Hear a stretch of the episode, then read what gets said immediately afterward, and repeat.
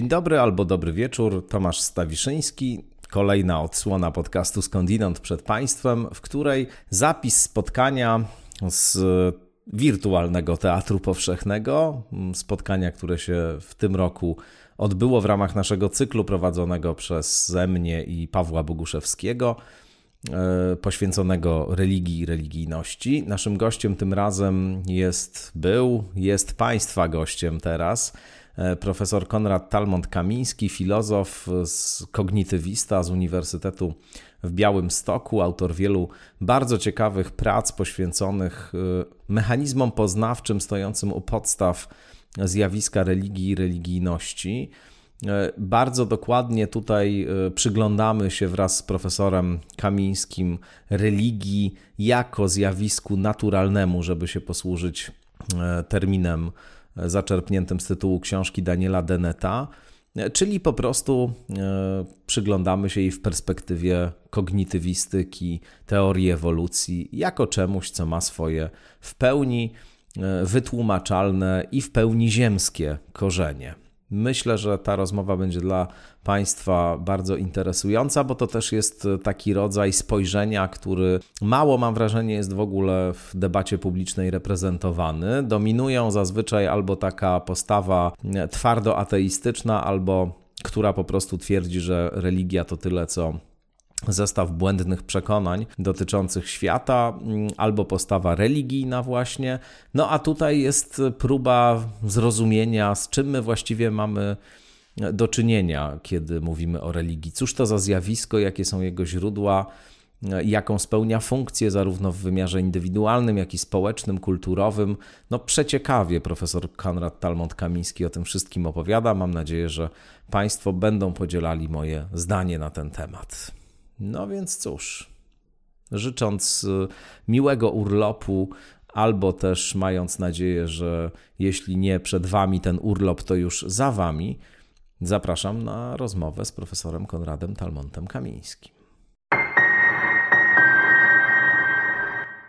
Dzień dobry Państwu. E, ja się nazywam Tomasz Stawiszyński razem z Pawłem Boguszewskim, e, który tutaj jest. E, będziemy te, to spotkanie prowadzić, a nasze zaproszenie przyjął tym razem profesor Konrad Talmont-Kamiński. Raz jeszcze dzień dobry Konradzie.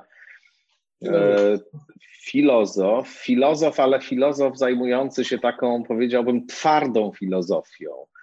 Filozofią nie wiem, czy powiedzenie naukową to będzie, to będzie odpowiednie określenie, ale taką na pewno, która się przygląda bacznie e, współczesnym naukom empirycznym i osiągnięciom nauk empirycznych e, i sama próbuje e, prowadzić takiego rodzaju refleksję, która no, odległa jest od, powiedziałbym, tego, co nie wiem, dzieje się na przykład w filozofii postmodernistycznej albo hermeneutycznej, kognitywistyka, którą się zajmuje profesor Talmont Kamiński, to jest taka naprawdę twarda, konkretna filozofia. I dlatego też go zaprosiliśmy, bo e, jednym z zasadniczych przedmiotów e, jego badań i zainteresowań naukowych jest e, religia właśnie, która i nas tutaj interesuje.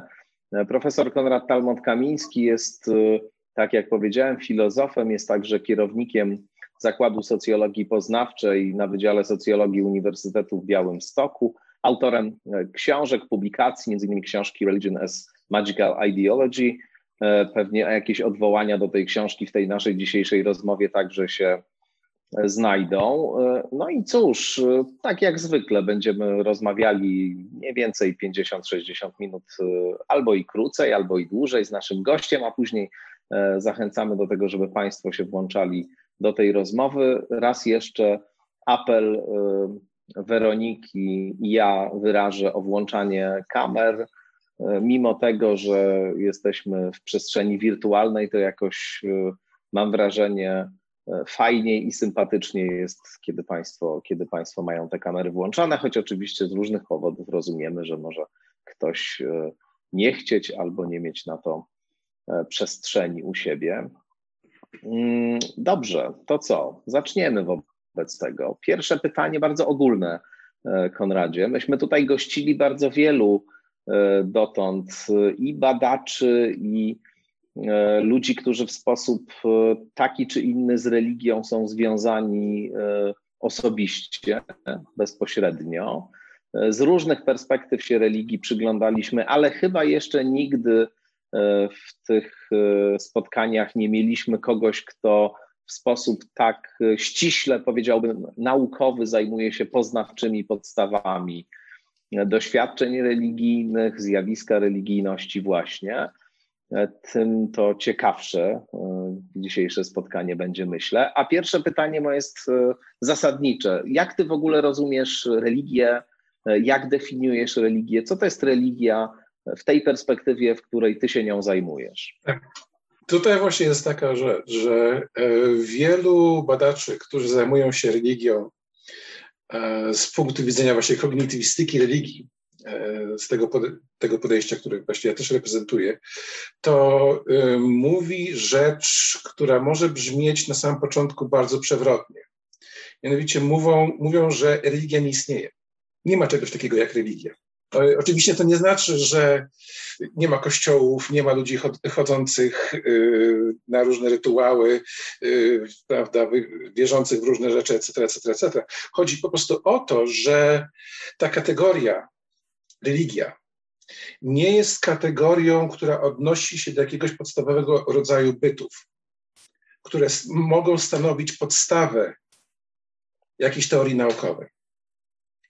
Oczywiście to są zjawiska, szereg zjawisk, prawda, poglądy, zachowania, doświadczenia, które są kategoryzowane jako religijne standardowo i co do których jak najbardziej można mieć różne e, naukowe e, teorie, próbować je zrozumieć na, na różne sposoby, ale w efekcie co się robi e, w właśnie w kognitywistyce y, religii, to to zjawisko, zamiast żeby de definiować religię, to się po prostu rozkłada na kawałki.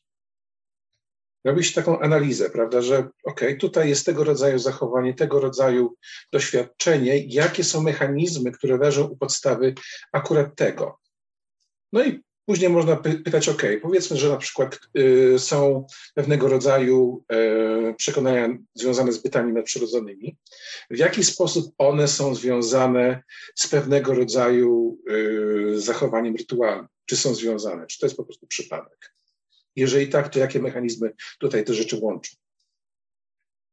Czyli innymi słowy, nie dam Ci odpowiedzi, jaka jest definicja religii, ponieważ takiej e, definicji nie mam i takiej definicji nie staram się mieć. A co z taką najbardziej klasyczną definicją w socjologii religii obecną od dawien mhm. dawna, e, która powiada, że religia to jest tyle co wiara i kult, to znaczy pewien zestaw przekonań, e, które się uznaje oraz pewien zestaw zachowań, E, o charakterze rytualnym stowarzyszonych z tymi przekonaniami. Oczywiście. To się wydaje taka naj, naj, najprostsza definicja. Mhm. Tak. Um, problem tutaj będzie taki, że jeżeli popatrzymy na konkretną tradycję religijną, to da się zidentyfikować ten zbiór prawda, zachowań, ten zbiór przekonań. A, ale jeżeli będzie się próbowało zidentyfikować jakiś zbiór przekonań, jakiś zbiór zachowań, który jest wspólny do wszystkich tych rzeczy, które powinny być w jakimś sensie nazywane religiami, to się to okazuje z jednej strony właśnie niewykonalne, a z drugiej strony to nie daje nam żadnego wglądu w to zjawisko, które próbujemy zrozumieć. Czyli to jest troszeczkę na zasadzie takiej, że są to różnorodne zjawiska, które można ewentualnie y, w jakiejś części zaliczyć do zjawisk religijnych. Czyli pokaż mi to, ja ci skategoryzuję i oczywiście nie całe zjawisko idzie, tylko na przykład jakaś część z pewnego rodzaju systemów ideologicznych. Y, bo tutaj mhm. jest, jesteś twórcą teorii magicznej ideologii. Mhm. Czy to jest właśnie to, że to jest pewnego rodzaju ideologia, która może być e, częścią jakiegoś systemu, e, i wtedy nazywamy go religijnym, jeżeli na przykład, nie wiem, przeważająca część jest magiczna, czy jest bardzo niewiele tej magii. Okej. to y, tu, tutaj wytłumaczę, o co tutaj chodzi. Po pierwsze, to y, tak naprawdę, y, jak zwykle jest z tytułami, tytuł jest trochę na przerost, ponieważ to nie jest coś, co można być zrozumiane jako teoria religii wszystkich, wszędzie i mhm. tak dalej. To odnosi się do pewnego podzbioru tych tradycji, które nazywamy religijnymi, gdzie akurat na przykład coś takiego jak chrześcijaństwo tutaj jak najbardziej by pasowało. Idea jest taka, że są dwa rodzaje podejść do y, zjawisk y, właśnie tych religijnych, które się pojawiają w y, kognitywistce religii.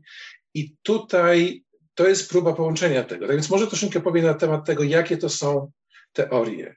Bo jedna teoria próbuje zrozumieć zachowania religijne, przekonania religijne jako e, tak zwane efekty uboczne poznawcze, poznawcze efekty uboczne.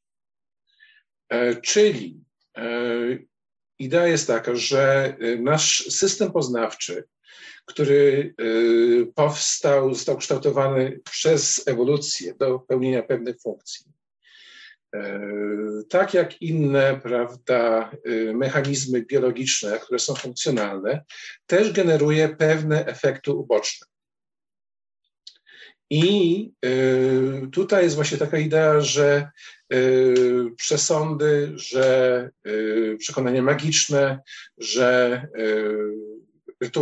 rytualizacja, zachowań, różne tego rodzaju rzeczy, które w jakiś sposób się pojawiają w różnych religiach, często są właśnie efektami ubocznymi.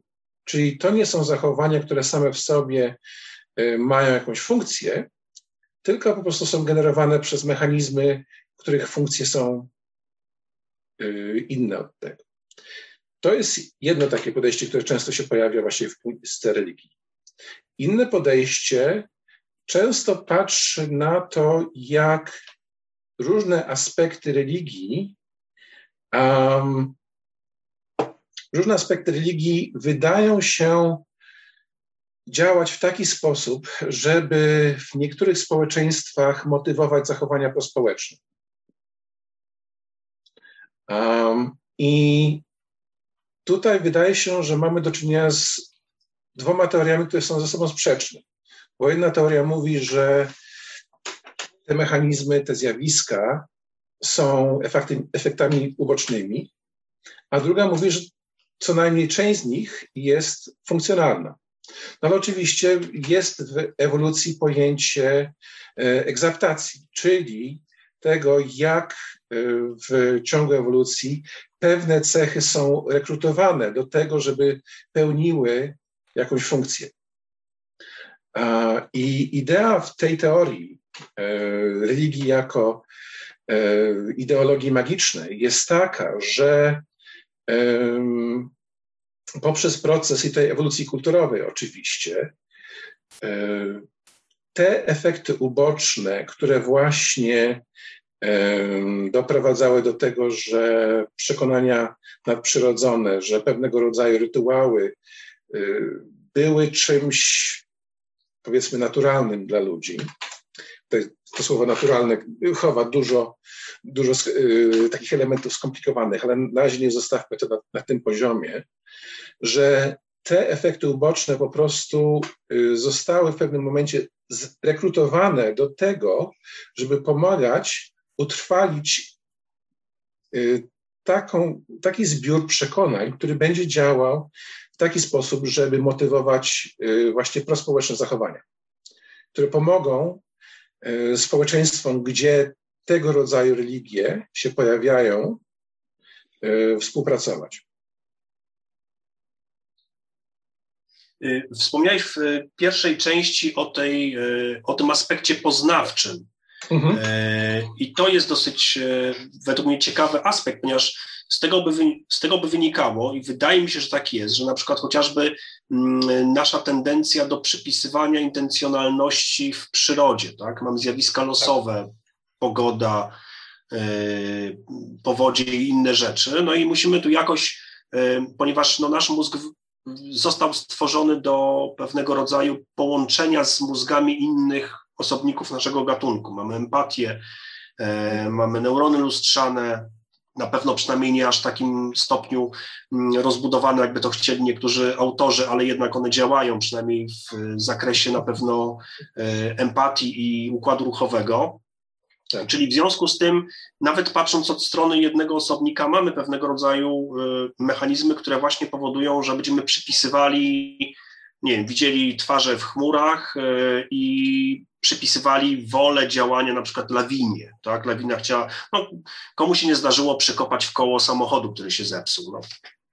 Niech pierwszy rzuci oponą. E, także, e, czyli wydaje mi się, że ta naturalna tendencja, która pozwala nam zrozumieć, że inny człowiek ma pewien zasób wiedzy i może nie wiedzieć tego, co my wiemy, e, niechcący się rozciągnęła na cały świat. Czy to jest to, co właśnie chciałeś powiedzieć w tym takim naszym wewnętrznej potrzebie uduchawiania przedmiotów martwych? To jest absolutnie jeden właśnie z tych elementów, mhm. tak, że właśnie, y, co zresztą zawsze moim studentom staram się przekazać, to jest to, że y, ludzie są po prostu hiperspołecznymi istotami i w dużej mierze ta złożoność ludzkiego umysłu rozwinięta została po to, żeby sobie dawać radę właśnie ze środowiskiem nienaturalnym, ale ze środowiskiem społecznym. No dlatego zresztą uważam, że to połączenie tematów socjologicznych i poznawczych to jest bardzo y, ważne takie miejsce do, do badań. No. I y, to znaczy, że cała masa naszych właśnie mechanizmów poznawczych jest tak naprawdę ich główna funkcja, żeby sobie dawać radę właśnie w tym y, społecznym środowisku. I tak jak mówisz, my aplikujemy te mechanizmy też w innych miejscach, prawda? Czyli myślimy, że mamy do czynienia z podmiotami jakimiś, e, kiedy wcale tak nie jest. E, to zresztą hasło, które rzuciłeś w tym momencie, prawda? Twarze w chmurach to jest tytuł bardzo takiej znanej książki, którą napisał Stuart Guthrie, um, Faces in the Clouds, które rozpoczęło w pewnej mierze właśnie y, tą dziedzinę naukową, którą się, którą się zajmuje, stykę religii. E, on tam mówił właśnie o zjawisku pareidolii, czyli właśnie tego, że się widzi różne rzeczy, szczególnie najczęściej ludzkie, ludzkie kształty, twarze szczególnie, w różnych y, przedmiotach. I tam też się y, pojawia pewna idea, która jest y, rozwinięta na szereg różnych sposobów y, właśnie w kognitywistce religii. Tam jest y, na przykład pojęcie Hyperactive Agency Detection Device, czyli zawsze tłumaczenie tego na język polski jest problematyczne, czyli takiego mechanizmu, który ma być mechanizmem istniejącym w naszym umyśle, który, którego funkcja jest, żeby wykrywać inne podmioty, w naszym środowisku, ale który jest hiperaktywny. E, no, wykrywanie innych e, podmiotów w naszym środowisku to jest oczywiste, że to jest dla nas ważne, no bo to są możliwości interakcji, bądź to przyjaznej, bądź to nie. Tak więc dobrze sobie zdawać sprawę, że takie sytuacje istnieją. A ta hiperaktywność to polega na tym, że jest wielka różnica w koszcie e, błędów, które tutaj ludzie mogą popełnić. W tym sensie, że jeżeli nam się wydaje, że na przykład ktoś się za nami skrada, a tam nikogo nie ma, tylko to jest wiatr, to koszt tej pomyłki to jest minimalny. Prawda? Podskoczymy, może trochę e, pobiegniemy do przodu. Nasi znajomi, którzy e, z nami szli, się lekko z nas będą śmiać. Nic się właściwie nie stało. Ale jeżeli popełnimy y, pomyłkę drugiego rodzaju, y, gdzie właśnie pomyślimy, że to jest tylko wiatr, a rzeczywiście ktoś się za nami skrada, to to jest potencjalnie ostatnia pomyłka, którą popełnimy. I co jest oczywiście ważne, tego rodzaju sytuacje, gdzie jest taka y, zupełnie, taki zupełnie inny poziom znaczenia tego rodzaju pomyłek, to są sytuacje, które są po prostu stałą tym stałym, stałą w naszym środowisku. Tak więc one mogły oddziaływać właśnie na ukształtowanie przez ewolucję tego, jak wygląda nasz system poznawczy. Więc szukamy tych podmiotów. No i co się dzieje? No, yy, powiedzmy, że właśnie idziemy przez las, słyszymy, że coś się skrada za nami, szukamy tego, patrzymy za drzewem, coś tam nam umknęło w rogu, nie zauważyliśmy, wracamy do wioski. Mówimy, posłuchajcie, w tej części lasu spotkałem się z czymś takim, co chyba jest małe, możliwe, że potrafi znikać w ogóle, lubi się bawić z ludźmi, e, uważajcie tam. No i co się będzie działo dalej? Ludzie z tej wioski będą tam wracać, będą przechodzić, będą patrzeć, przysłuchiwać, coś tam usłyszą, niczego nie zobaczą. No i co się będzie działo? Jest bardzo możliwe, że za chwilę w tej wiosce będzie legenda o tym, że w tej części lasu są jakieś duszki leśne, prawda, które w ten sposób lubią się z ludźmi bawić. I mamy Islandię. I mamy Islandię, dokładnie. Czy nie wolno autostrady zrobić, dopóki się nie pogada z elfami.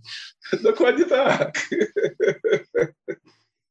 No I bardzo słusznie skądinąd uważam. Z duszkami leśnymi trzeba ostrożnie, bo potrafią być też bardzo złośliwe. No to myślę, że wszyscy mieliśmy takie doświadczenia, ale poważnie, poważnie rzecz biorąc, wróciłbym do tego, co powiedziałeś na początku o tym, E, odejściu od myślenia o religii jako o pewnym konkretnym, e, ostensywnie definiowalnym bycie, tak. E, tylko jako o pewnym właśnie zespole różnych zachowań i dyspozycji. Rozumiem, że tego rodzaju ujęcie tej kwestii polega na tym, że raczej wolisz mówić nie tyle o religii w trybie rzeczownikowym, ile w trybie przemiotnikowym, o pewnych religijnych zachowaniach czy religijnych dyspozycjach i że to pokazuje pewne kontinuum pomiędzy tym, co my jako właśnie religijność identyfikujemy w sensie potocznym, a licznymi naszymi zachowaniami, doświadczeniami, nie wiem, potocznymi sposobami mówienia i myślenia o pewnych sprawach, których nie określamy mianem religijnych, ale które w zasadzie mieszczą się dokładnie w tej samej klasie abstrakcji. Tu mi dokładnie przyszła tak, do, dokładnie tak. Mm, mhm. Tu mi przyszła do głowy jeszcze, taka. Proszę bardzo. Tak. Zauważył tylko jedną rzecz, mianowicie yy, dla osób, które wychodzą z tradycji religioznawstwa, to, co w tym momencie mówię, to może brzmieć jak naprawdę wielka herezja, bo jak się popatrzy na takie osoby jak Eliadę, prawda, yy, religioznawca, historyk religii z XX wieku, to on uważał, że podstawową rzeczą z religią to jest to, że trzeba traktować religię jako zupełnie oddzielną od yy, wszystkich innych zjawisk, które tylko może być rozumiane w swoich własnych kategoriach. Nie może być rozumiane właśnie, tak jak powiedziałeś przed chwilą, jako pewien element tej ciągłości różnych zjawisk społecznych, poznawczych, etc., etc.. Mhm. Ale przepraszam. E, przypomniała mi się książka, którą, e, którą tutaj już wspominaliśmy kilkukrotnie przy okazji tych rozmów, to znaczy książka Brusa Huda, takiego mhm. też kognitywisty, neuronaukowca z Bristolu. Uniwersytetu Bristolu, tak. Super mhm. Sense. I to jest właśnie książka, w której on się przygląda różnym naszym takim e, dyspozycjom mentalnym i poznawczym, które stoją za zjawiskiem określonym mianem religii, a które właśnie dokładnie w ten sposób on analizuje, co, co ty. Ale wobec tego mówiąc o tym jeszcze, mówiłeś o tym, że, że to są pewne efekty uboczne tak naprawdę różnych programów ewolucyjnych służących na przykład przetrwaniu albo, albo innym, e, realizacji innych ewolucyjnych celów. Wobec tego jak patrzysz na tę okoliczność niewątpliwą, e, historyczną, że e, no, na dobrą sprawę historia ludzkiej kultury to jest historia religii czy religijności w tym sensie przymiotnikowym, o którym powiedziałeś, i że to, co my tu uprawiamy, to znaczy ta refleksja, która jest w stanie wyjść poza kategorie y, y, religijne, właśnie w myśleniu i w doświadczaniu rzeczywistości, y, i tak jest problematyzować i zoperacjonalizować, jak ty to robisz, to jest no, zjawisko bardzo późne, które się pojawiło w pewnym porządku też oczywiście rozwoju kultury, rozwoju ludzkiej myśli i tak dalej. Natomiast na dobrą sprawę efekty uboczne okazały się być czymś, co dało impuls do rozwoju cywilizacji, do rozwoju kultury ludzkiej. To mhm. jest bardzo imponujące jak na efekty uboczne. um, Okej, okay, to, to jest to jest szereg różnych rzeczy, o których trzeba powiedzieć. Po pierwsze, na, na, pewno Ciebie nie zdziwi to, że e, jeżeli bym poszedł do pokoju obok, to zaraz mógłbym wyciągnąć właśnie książkę e, Bruce'a, o której mówiłeś. A, e, uważam, że on pięknie mówi właśnie o tematach tego rodzaju, tak więc bardzo warto jego posłuchać tutaj. Co do tej podstawowej kwestii, którą poruszyłeś, to po pierwsze wróciłbym do tego, że y, pamiętaj, że akurat w swoim przypadku ja uważam, że religie, niektóre, niektóre elementy religii y, są funkcjonalne, że grają tą rolę właśnie motywowania zachowań prospołecznych i że to jest coś, co grało kluczową rolę w rozwoju y, wielu kultur. Um, tak więc y, nie mówiłbym, że tutaj mamy tylko do czynienia z y, efektami ubocznymi. To zostało zaakceptowane, żeby pełnić pełną funkcję. Um, ale idąc dalej. Jeśli można, jeśli można tylko wejść w słowo tak. jedno zdanie dodatkowe, bo to E, do tej odpowiedzi Twojej może będzie jakiś countdown jeszcze i do mojego pytania. E, to wobec tego, e, jak patrzysz na tę okoliczność, że mamy w rozmaitych religiach światowych mnóstwo takich zinstytucjonalizowanych zachowań, które są antyewolucyjne w tym sensie i antyadaptacyjne z tej perspektywy, o której mówimy. To znaczy, religie prowadzą przynajmniej częściowo różne różnych ludzi, różne osobniki, które przyjmują te, te przekonania i wchodzą w ten e, sposób e, funkcjonowania, do zachowań, które wydają się być antyadaptacyjne. Okej, okay. um, to e, dodałeś jeszcze jedną rzecz, o której trzeba powiedzieć, prawda? Teraz nie za bardzo wiem, w jakiej kolejności. Um, to, to może poruszę to, bo y, tutaj jest y, super książka. Y, autor nazywa się David Sloan Wilson.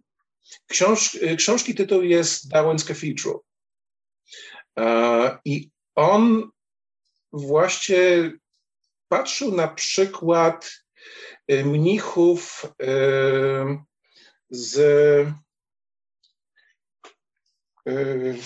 po angielsku to jest Jain, ale jak po polsku to, to się wymawia, to ja nie jestem pewien. To jest religia... Przepraszam? Dżiniści?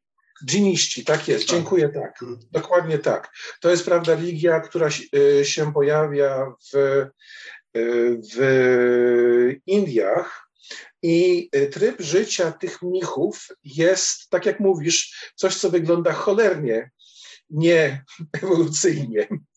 Mianowicie y, oni y, po pierwsze jedyne co mogą y, mieć to w efekcie właśnie swoje ubranie i miskę, do której, w której mogą jeść. I jeszcze takie jak to się nazywa? Znowu zabrakło mi, mi, słowa, przepraszam bardzo. Miotełki mają jeszcze. Miotełki, dziękuję, właśnie tak. Miałem takie miotełki, które używają, że jak idą, to przed sobą właśnie tymi miotełkami czyszczą ziemię, żeby nawet na jakieś małe y, owady nie stanąć. I patrzy się na nich i myśli, Boże Chryste, przecież to zupełnie nie ma sensu z punktu widzenia ewolucyjnego.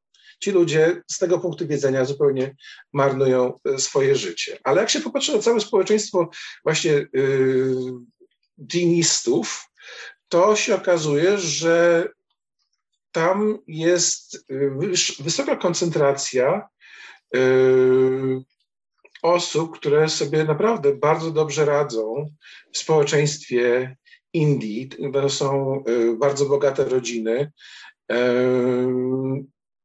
I jak tutaj jest jedno związane z drugim. Mianowicie y, sytuacja wygląda tak, że ci mnisi chodzą od domu do domu rodzin właśnie y, dżinistów i y, wchodzą do danego domu i sprawdzają, czy ten dom jest prowadzony tak, jak według wymogów moralności dżińskiej ten dom być prowadzony powinien być. I dopiero jeżeli y, y, sprawdzą i rzeczywiście tak jest, to wtedy mogą zaakceptować jedzenie od tego, e, od tego domu. I oczywiście nakarmić mnicha to jest wielki honor dla dżinistów. A jeżeli mnich wyjdzie z domu bez akceptacji jedzenia, to jest dokładnie odwrotnie. Tak więc w efekcie tutaj mamy coś, co można nazwać taką policją moralności. Niedrogą. Bardzo tanią, bardzo tanią, bardzo niskim kosztem, dokładnie, prawda? Um, tak więc, tak jak efekt na y, prawda, rozprzestrzenianie się genów tych konkretnych mnichów oczywiście jest y, negatywny, co najmniej przez nich samych, bo prawda, zawsze jest pytanie, co się dzieje z ich kuzynami. Jest takie możliwe, że ich kuzyni mają też wyższy status społeczny dzięki temu, że ich y, kuzyni są mnichami, ale oni sami prawda, swoich genów nie rozprzestrzeniają. To od strony ewolucji kulturowej to jest genialny mechanizm. To ciekawe. A co z takimi kartuzami na przykład y, wobec tego?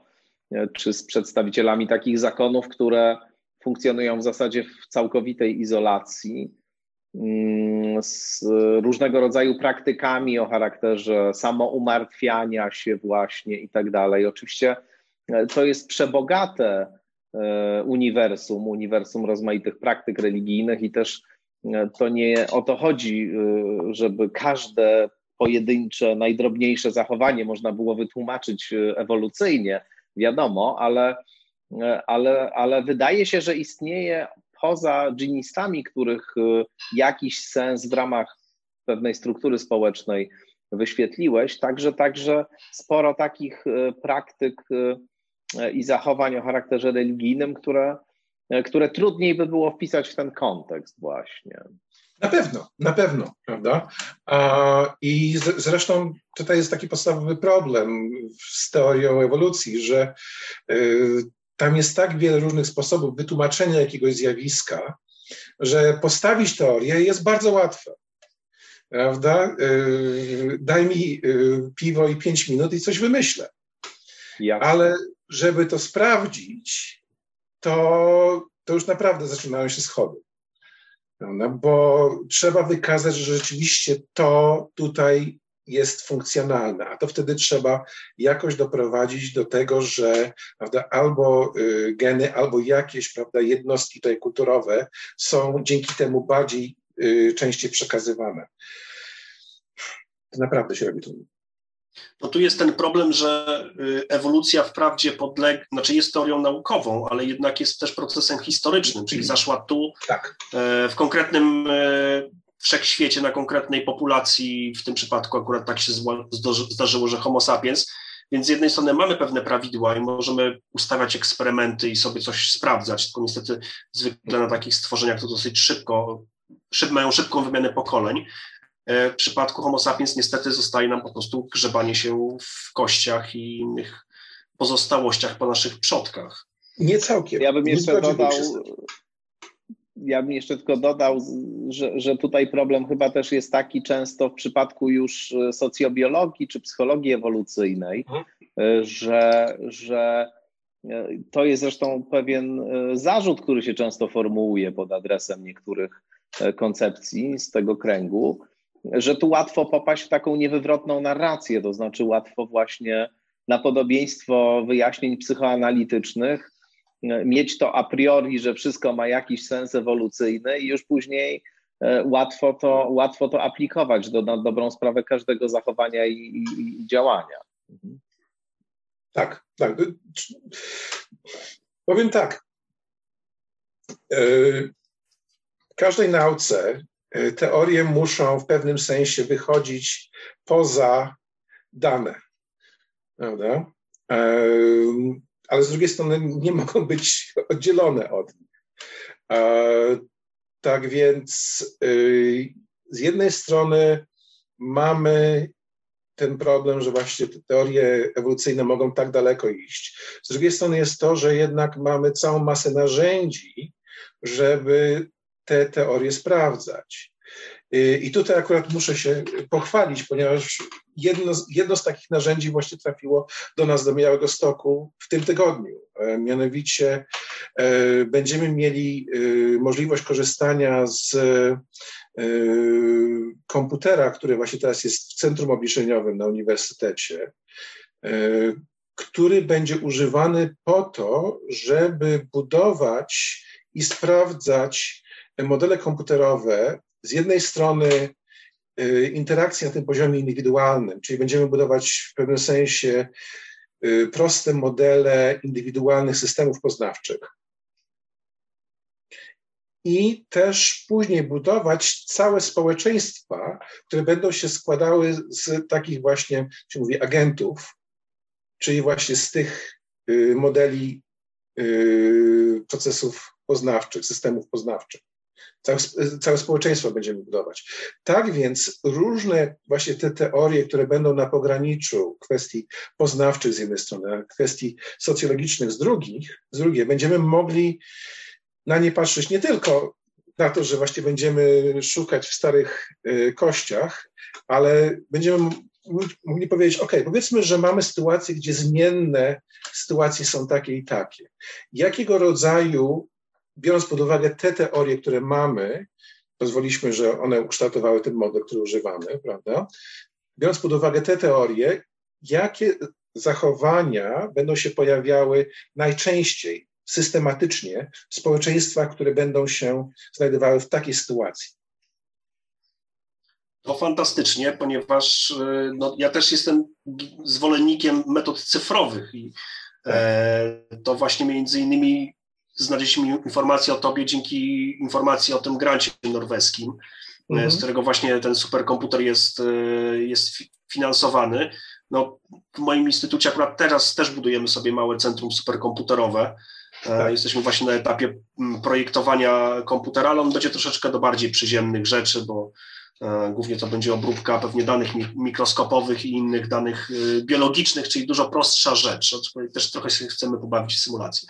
Ale a propos tego grantu, ponieważ ten grant e, e, był dany e, na temat ogólnie sekularyzacji i zjawisk sekularyzacji w Polsce. No, w ogóle sekularyzacji na świecie, ale oczywiście Polska jest tutaj podstawowym przykładem. Tak, tak? i pytanie jest, czemu akurat właśnie sekularyzacji, a nie zjawisk religijnych, no bo sekularyzacja jest e, tak naprawdę, można powiedzieć, zjawiskiem antyreligijnym.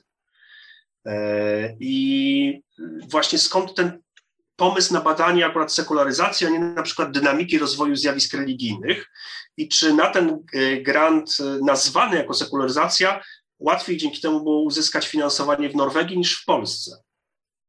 Ponieważ przechodząc do naszego polskiego środowiska. Okej, okay. no, po pierwsze trzeba powiedzieć, kto podejmował decyzję, że dostaniemy te pieniądze.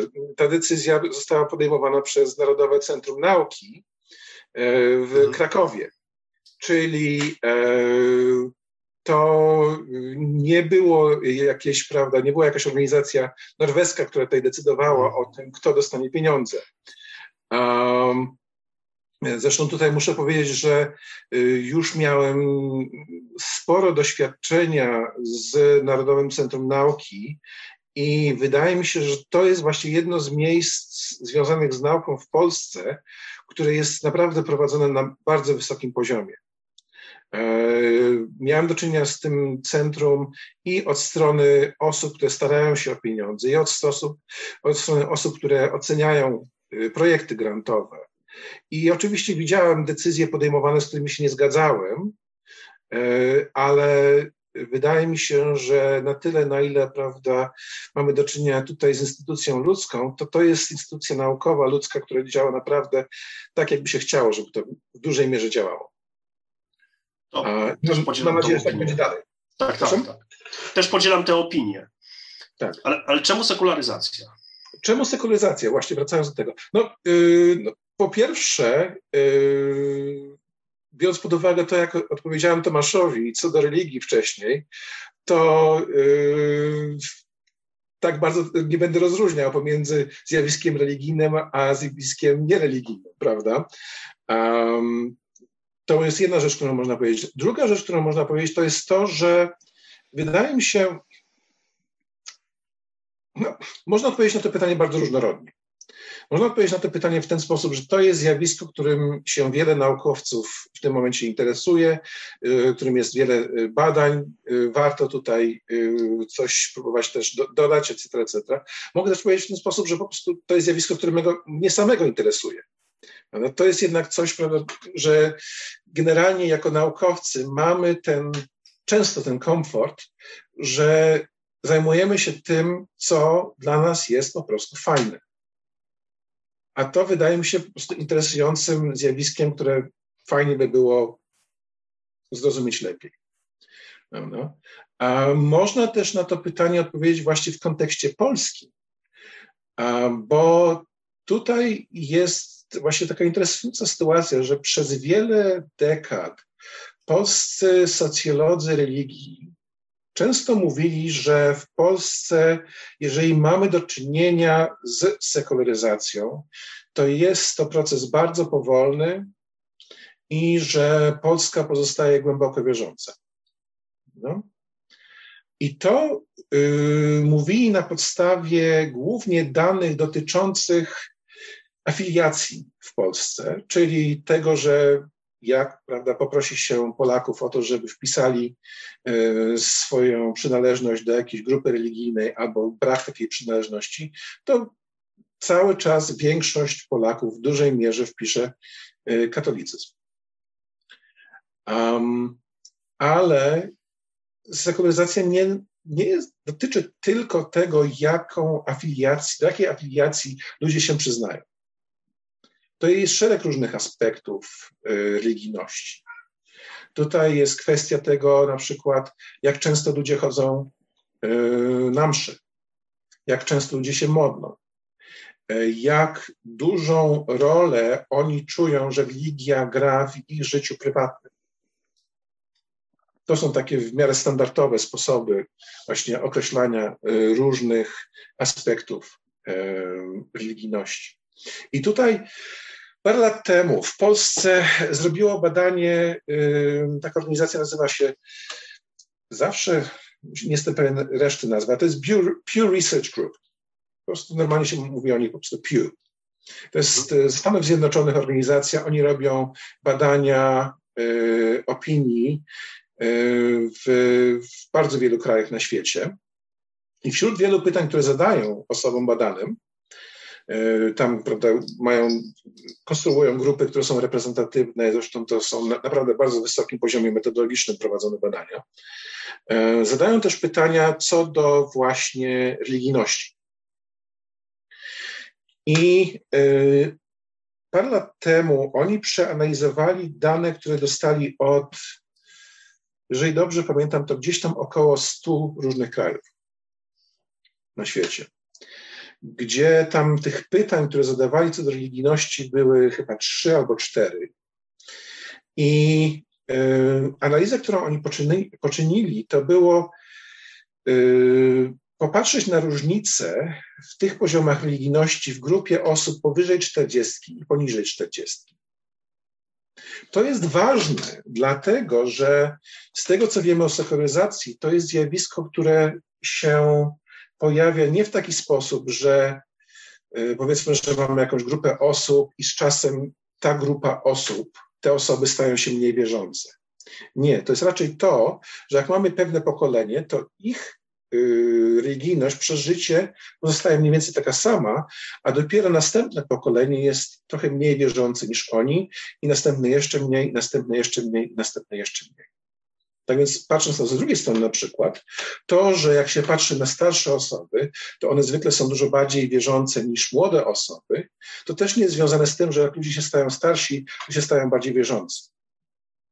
dzisiejsi 80-latkowie byli generalnie mówiąc tak samo wierzący, jak mieli 20 lat. To bardzo tak, ciekawe. E, bardzo ciekawe i niekoniecznie intuicyjne właśnie. Niekoniecznie intuicyjne, dokładnie. Ale co to badanie Pew wykazało? Mianowicie w trzech y, przypadkach, w, trzech, y, w przypadku trzech pytań, które zadali, największa różnica pomiędzy tą grupą poniżej 40, a powyżej 40 była właśnie w Polsce. Tak, to chyba była tam różnica, że na pytanie, czy religia jest ważna w Twoim życiu, w tej starszej grupie od, mm, prawidł, znaczy, pozytywna odpowiedź to było 40%, a w grupie y, młodszej było 20% i to był największy, największy taki rozrzut ze wszystkich krajów, które były badane. Także nawet powstał taki artykuł, y, że właśnie Polska jest liderem sekularyzacji obecnie na tak. świecie. Y, tak. I no, to, to bardzo dosyć, no, to wydaje mi się, że to bardzo ciekawe zjawisko. E, I no, też e, ciekawe będą w tym momencie te symulacje, ponieważ e, jednak mieliśmy dosyć ciekawy eksperyment. Eksperyment wprowadzenia religii do szkół w momencie, kiedy jej przez dziesięciolecia nie było. Eksperyment, gdzie Kościół katolicki no, dostał chyba więcej instrumentów się już nie dało wymyśleć, tak? tak. I jednak sprawiło to zupełnie odwrotny efekt. Znaczy efekt taki, gdzie zamiast mieć zwiększenie ilości osób, e, dla których religia jest ważna, to mamy efekt odwrotny, że się te osoby zmniejszyły. E, okay. Nie całkiem bym się zgodził z tym, co powiedziałeś. Um, po pierwsze, ta grupa, która powiedziałeś, że to ma efekt odwrotny. Ja bym powiedział, że to nie ma efektu odwrotnego. Ja bym powiedział, że to nie ma żadnego efektu. Tak mi się wydaje. Mhm. Tutaj już w pewnej mierze zgaduję, ale na podstawie tego, co wiem, to się wydaje jak najbardziej y, prawdopodobne, dlatego że z tego, co wiemy, to po prostu te zmienne, które determinują to, czy mamy do czynienia z sekularyzacją, czy nie, to są o wiele bardziej podstawowe i te ruchy, które mogą być wykonywane przez Kościół, nawet jeżeli da, da mu się tyle instrumentów, ile prawda, można, to nie będą miały dużego efektu. Bo pomyślmy, przecież w dawniejszych czasach, w dawniejszych społeczeństwach kościoły miały o wiele więcej y, mechanizmów kontroli społecznej niż mają nawet w Polsce w czasach dzisiejszych. A pomimo tego sekularyzacja się pojawiła. Czyli wydaje mi się, że ten proces jest tak podstawowy, że tego rodzaju ruchy to ja porównuję po prostu do, do przestawiania krzeseł na Titaniku. Mhm. I z drugiej strony to, to samo można powiedzieć o y, różnych akcjach społecznych y, grup, które chcą się przeciwstawić Kościołowi. To nie są akcje, które wydaje mi się, że w dużej mierze będą wpływać, w znaczącej mierze będą wpływać na rozwój sekularyzacji. To jest jedna rzecz, którą bym powiedział. Druga rzecz, którą bym powiedział, to jest to, że y, jednak w Polsce te lekcje religii, one są od ilu lat? 30. Od 30, rzeczywiście, tak. No to właściwie już, już powinno się widzieć jakiś efekt, bo jest też to, że jak się popatrzy na te najmłodsze kohorty, na to najmłodsze pokolenie, te osoby, które w tym momencie są poniżej 25, to się zobaczy, że ich poziom religijności jest wyższy niż te osoby, które są teraz około 30. Czyli co? Te lekcje zadziałały w końcu? No nie. Powód jest inny. Mianowicie wydaje się, wydaje się, że jest okres w życiu każdego pokolenia, gdzie ten poziom się religijności zmienia. I to jest okres mniej więcej z tych badań, które wykonaliśmy, mniej więcej od roku, jak mają 15 lat, yy, a jak mają 25 lat. I w momencie, kiedy mamy do czynienia z procesem sekularyzacji, to jest ten okres, w którym ich poziom religijności mniej więcej spada od poziomu religijności ich rodziców, pokolenia ich rodziców, do właśnie tego poziomu, który już później to pokolenie będzie miało przez resztę życia. Tak więc te osoby, które mają 20 lat dzisiaj, rzeczywiście są bardziej wierzące dzisiaj niż te osoby, które mają 30 lat, bo jeszcze one są w ciągu tego procesu. Mhm. Ale jak będą miały 25 lat, będą miały 30 lat, to już będą mniej wierzące niż te osoby, które dzisiaj mają 30.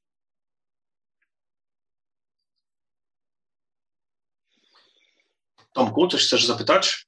Bo ja tak, tak pytam, pytam. już wkrótce, już wkrótce oddamy Państwu głos, ale zanim y, otworzymy dyskusję w pełni, to ja bym chciał e, jeszcze nawiązać do takich bardzo podstawowych i fundamentalnych kwestii, od których zaczęliśmy naszą rozmowę e, i zapytać o, o następującą sprawę. Otóż mamy tą całą e, kognitywistyczno-ewolucjonistyczną wykładnię zjawiska religijności. Myślę, że tak. bardzo tutaj też pre precyzyjnie przed, przez Ciebie i klarownie przedstawioną, e, która powiada, że no, nasz umysł ma rozmaite dyspozycje z uwagi na istnienie ewolucji, właśnie z uwagi na pewne zadania, w które nas ewolucja w cudzysłowie wyposażyła przetrwanie, reprodukcja genów i tak dalej, e, wykrywanie mhm. zagrożeń, etc. Wszystko to sprawia, że mamy tendencję właśnie do dostrzegania różnych rzeczy, których nie ma i w związku z tym e, budowania różnych, różnych rozległych, czasami nawet bardzo rozległych systemów e, kulturowo-instytucjonalnych, które, które, które później no właśnie stają się takimi, takimi zjawiskami, o których mówimy, kiedy mówimy o religii, ale z drugiej strony jest w religii, e, no nie wiem, i w tradycji zachodniej, i w tradycji Dalekiego Wschodu, zwłaszcza też, jest, jest ta cała komponenta, powiedziałbym, głębokiej e, troski ostatecznej, mówiąc słowami Paula Tilicha, e, dwudziestowiecznego filozofa religii, czyli ta komponenta refleksji nad bardzo fundamentalnymi pytaniami egzystencjalnymi, właśnie, nad kwestią pochodzenia świata, pochodzenia człowieka, e, nad e, pytaniami o śmierć, o to, co po śmierci.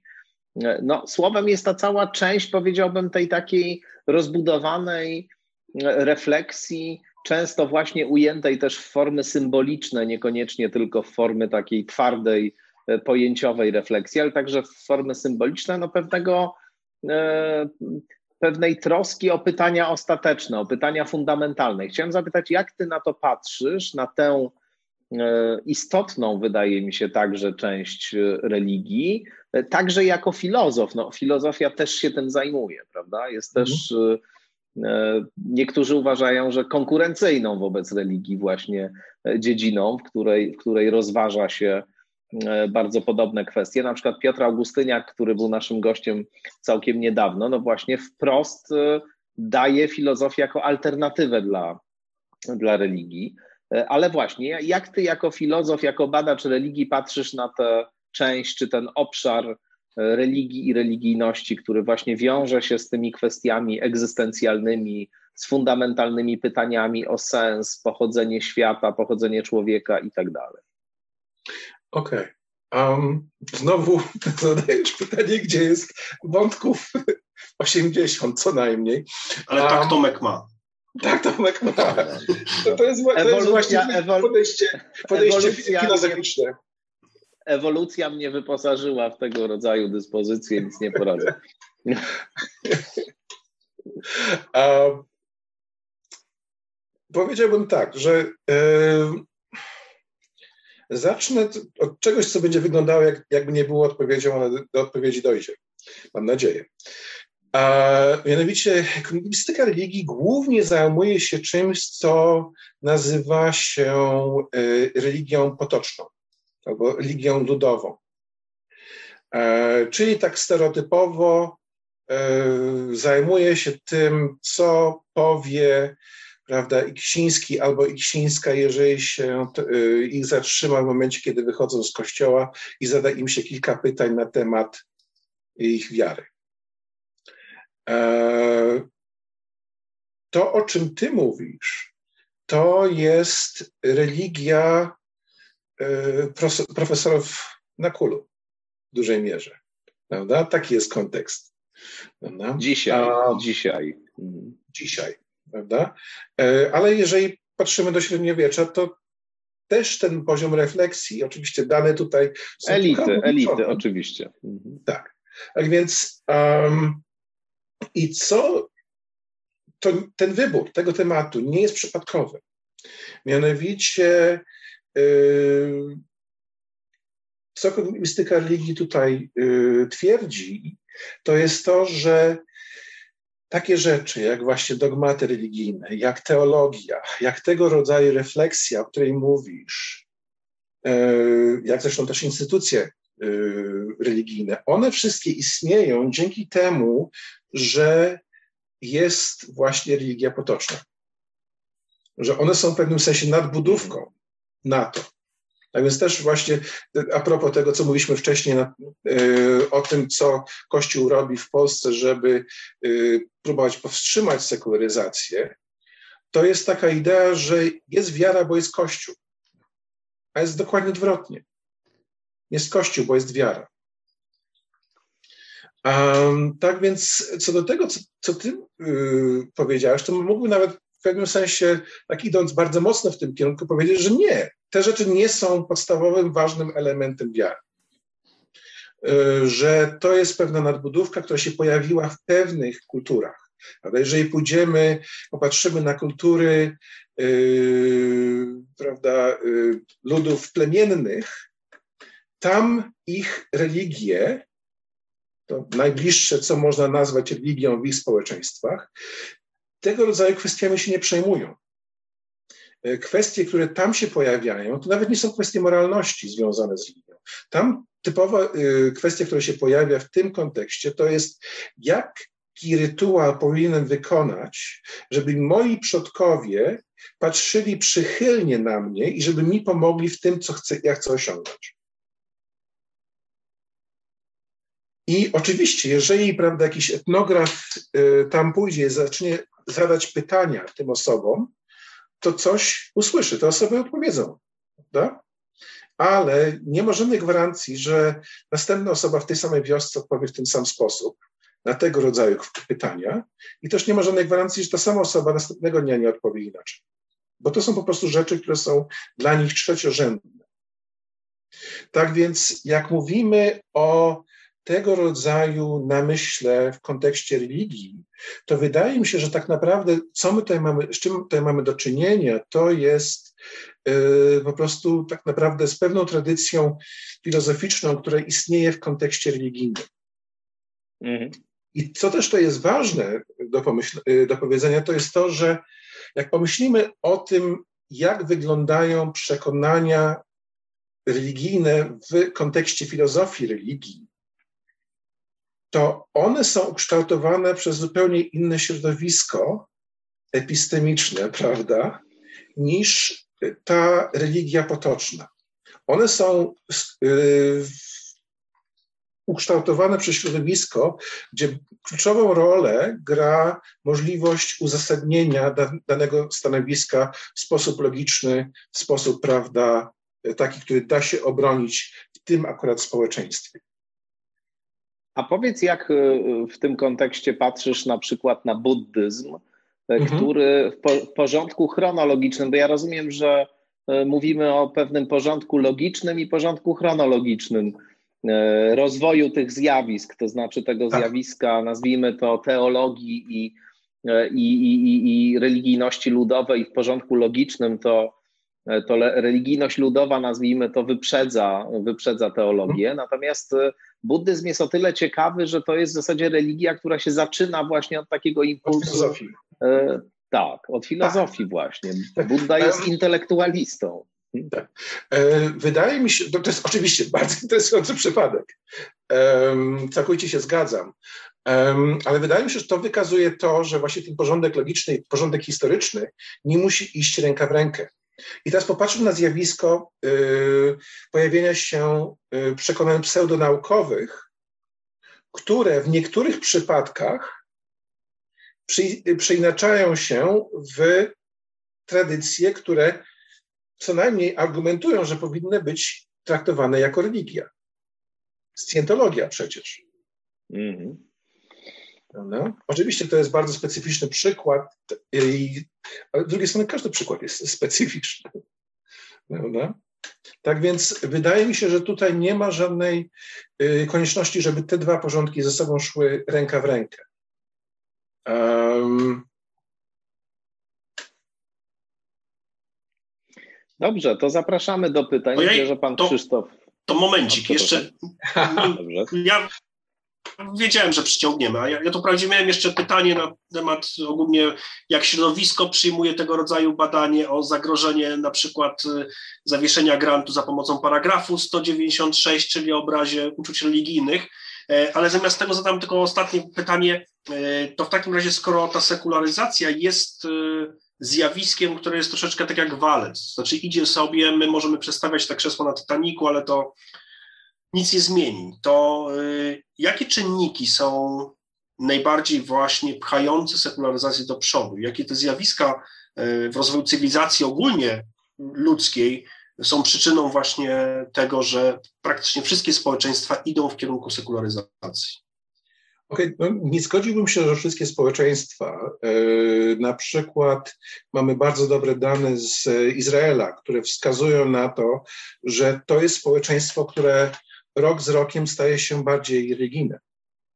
Ale to chyba z powodów demograficznych. Demografia jest częścią. No tak, tak, tak. Ale wtedy jest pytanie, ok, dlaczego te procesy demograficzne w innych e, społeczeństwach nie działają w ten sposób? Bo przecież to jest jednak w miarę stałą e, cechą, że osoby wierzące generalnie mają więcej dzieci niż osoby niewierzące. A jednak no, ale chyba Izra Izrael jest takim przykładem bardzo dużej tej różnicy, bo tam jest jednak rzeczywiście różnica z poziomu 1-4 reprodukcji wśród tej części bardziej laickiej do tak naprawdę 7, 10, 15, 20 w tej części ortodoksyjnej. um, jak najbardziej. Mhm. E, ale jednak ciągle bym argumentował, mhm. że tutaj jest jedna zmienna, którą trzeba brać pod uwagę, która wydaje mi się, że gra tutaj podstawową rolę. Zmiennych tutaj jest bardzo dużo i gdyby tutaj siedział ktoś inny, to by mówił coś innego na pewno.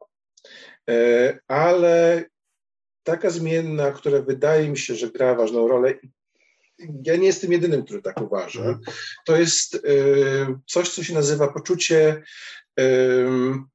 bezpieczeństwa egzystencjalnego ta, y, poczucie y, bezpieczeństwa egzystencjalnego to jest y, teoria rozwinięta przez dwóch naukowców amerykańskich, Pippa Norris i Ron Engelhardt, gdzie zresztą Ron Engelhardt właśnie w zeszłym tygodniu umarł.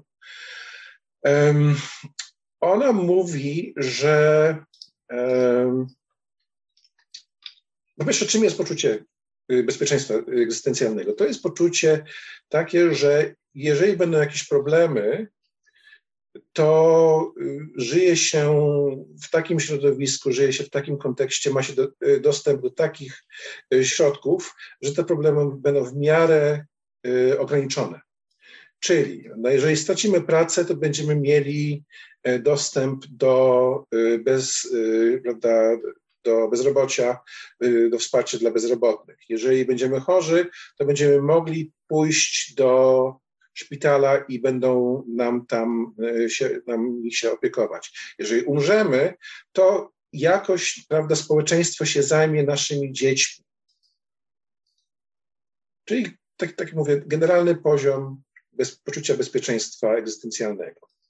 I co to ma do czynienia z religią? Mianowicie idea jest y, taka, że właśnie jak ten poziom bezpieczeństwa wzrasta, to y, ten proces socjalizacji w wierze nie jest tak efektywny, jak był wcześniej. I y, tutaj właśnie trzeba zacząć patrzeć na to, jak wygląda historia tych społeczeństw, gdzie pojawiały się już y, sekularne mechanizmy zabezpieczające prawda, y, życie, dobrobyt, przyszłość członków tego społeczeństwa i pojawiała się sekularyzacja. I co tutaj właśnie też jest interesujące, co widzimy w danych, które, na które ostatnio patrzymy, to jest to, że w Europie okres, gdzie okres właściwie powojenny, tak mniej więcej od 50 roku do 70 roku, te e, pokolenia, które wtedy były właśnie w tym wieku, który jest e, zdolny zmieniać, gdzie one były zdolne zmieniać swój poziom religijności, czyli właśnie pomiędzy 15 a 25. Te pokolenia stały się o wiele mniej wierzące niż te pokolenia właśnie dokładnie przed nim. W tym momencie ten proces sekularyzacji w Europie generalnie szedł bardzo szybko. Od tego czasu trochę zwolnił, cały czas oczywiście idzie do przodu, ale nie jest aż tak szybki, jak był w tamtym okresie. A jak pomyślimy, to był ten okres, kiedy to pojęcie właśnie powojennego welfare state, tego państwa y, opieki społecznej się pojawiło i się bardzo wzmocniło. I z drugiej strony też mamy dane z y, krajów byłej Jugosławii, gdzie jak patrzymy na te pokolenia, które były w tym wieku właśnie ważnym dla procesu sekularyzacji, w czasie tych wojen w byłej Jugosławii, tam nie widać sekularyzacji. Mają ten sam poziom religijności jak poprzednie pokolenia. Więc wydaje mi się, że właśnie to poczucie bezpieczeństwa egzystencjalnego tutaj gra absolutnie kluczową rolę. Co nie, nie, wyklucza możliwości, że inne rzeczy tutaj grają ważną rolę, ale wydaje mi się, że to jest absolutnie kwestia kluczowa. W takim razie, Tomaszu, uruchamiaj pytania. Tak, mamy pytanie mm, pierwsze od pana Krzysztofa Lachowskiego, proszę bardzo. Wielu e, biologów ewolucyjnych uważa, że mm, nasz mózg e, ma genetycznie ukształtowane mechanizmy przyswajania moralności. E, to tak podobnie jak, jak e, przyswajanie języków. Teraz pytanie do Pana. Czy wiara w Boga, tak rozumiana klasycznie, czy tam też religijność, jest tworem takim kulturowym, zamierzonym, czy też może jest e, pokłosiem e, taką wypadkową właśnie tej naszej moralności, która jest, która ma podłoże genetyczne, o ile ma. Okej. Okay. Um, tak się składa, że akurat dzisiaj właśnie na ten temat rozmawiałem z moimi studentami. Tak więc akurat to jest temat, który jest bardzo e, świeży dla mnie. Z moralnością znowu tak samo jak z religią, to jest coś, co trzeba trochę rozłożyć na te części pierwsze, prawda? I popatrzeć na te różne mechanizmy, które y, leżą u podstaw tego rodzaju y, zjawisk, gdzie, co jest zresztą bardzo ważne i jest bardzo interesujące, część z tych mechanizmów, część z tych zachowań też widać u innych zwierząt te teorie wcześniejsze, że inne zwierzęta są amoralne, to, to nie jest prawda. Oczywiście u nas moralność jest dużo bardziej złożona, te systemy y, moralne są dużo bardziej złożone i one są kształtowane przez interakcję pomiędzy z jednej strony prawda, tymi uwarunkowaniami biologicznymi, o których najczęściej właśnie mówią psycholodzy ewolucyjni, ale też różnymi zmiennymi kulturowymi. Jak się popatrzy na różne kultury, mamy do czynienia z różnymi moralnościami, prawda? Najbardziej. Co do religii, tutaj trzeba powiedzieć, że y, relacje pomiędzy religiami a moralnością bardzo są różnorodne. Tak jak właśnie mówiłem wcześniej, jest wiele rzeczy, które nazywamy religiami, które na temat moralności właściwie nie mają zbyt dużo do powiedzenia. E, jednocześnie oczywiście, szczególnie w takich dużych społeczeństwach, wygląda na to, że religie w tych społeczeństwach grały ważną rolę w motywowaniu zachowań prospołecznych, które w pewnych kontekstach były rozumiane właśnie jako zachowania y, moralne, też w kształtowaniu tego, co było uważane za moralne. Um, tak więc nie uważałbym, że jedno jest podstawą dla drugiego, ani w jednym kierunku, ani w drugim kierunku, ale to są rzeczy, które wiele mają wspólnego do, do siebie w niektórych kulturach. I co tutaj można powiedzieć? Co tutaj, właśnie interesująca rzecz, którą tutaj mówi na ten temat yy, amerykański yy, antropolog yy, pochodzenia francuskiego, Pascal Boyer. On mówi, że to nie jest przypadek, że religie mają do, do, wiele do powiedzenia bardzo często na temat moralności, bo religie muszą być interesujące dla ludzi. Muszą poruszać tematy, które są ważne dla ludzi, bo inaczej te religie po prostu nie będą przekazywane przez ludzi. A co jest jednym z najbardziej podstawowych, ważnych dla ludzi tematów? Jak powinniśmy traktować innych ludzi? Tak więc, żeby w pewnym sensie wiele religii mogło brać udział w tej dyskusji, która jest rozwojem ludzkich kultur, musiały mówić na temat moralności. Tak, a Pana zdaniem e, ta moralność to jest e, e, budowana genetycznie, przekazana przez ewolucję, czy też to jest wytwór czysto kulturowy, taki zamierzony, intencjonalny? Ani jedno, ani drugie. Ani jedno, ani drugie. Tutaj są pewne podstawy zachowań moralnych, które są absolutnie związane prawda, z naszą historią ewolucyjną, które zresztą bardzo często widać bardzo wcześnie w rozwoju u dzieci, e, gdzie no to nie jest całkowicie twarda reguła, ale jeżeli coś się pojawia bardzo wcześnie w rozwoju dzieci, to możemy podejrzewać, że to jest raczej związane właśnie z historią ewolucyjną niż z kontekstem kulturowym. E, Czyli ale... można być też moralnym e, i etycznie funkcjonującym człowiekiem, jednostką w grupie, w społeczeństwie, nie wierząc w Boga, będąc ateistą. Ależ oczywiście, że tak. E, absolutnie, że tak. E, gdyby było inaczej, to e, społeczeństwa takie jak Dania, społeczeństwa takie jak Czechy, gdzie ta sekularyzacja poszła najdalej, e, to, to, by było, to by było piekło. Tam ludzie by się mordowali w lewo i w prawo, prawda?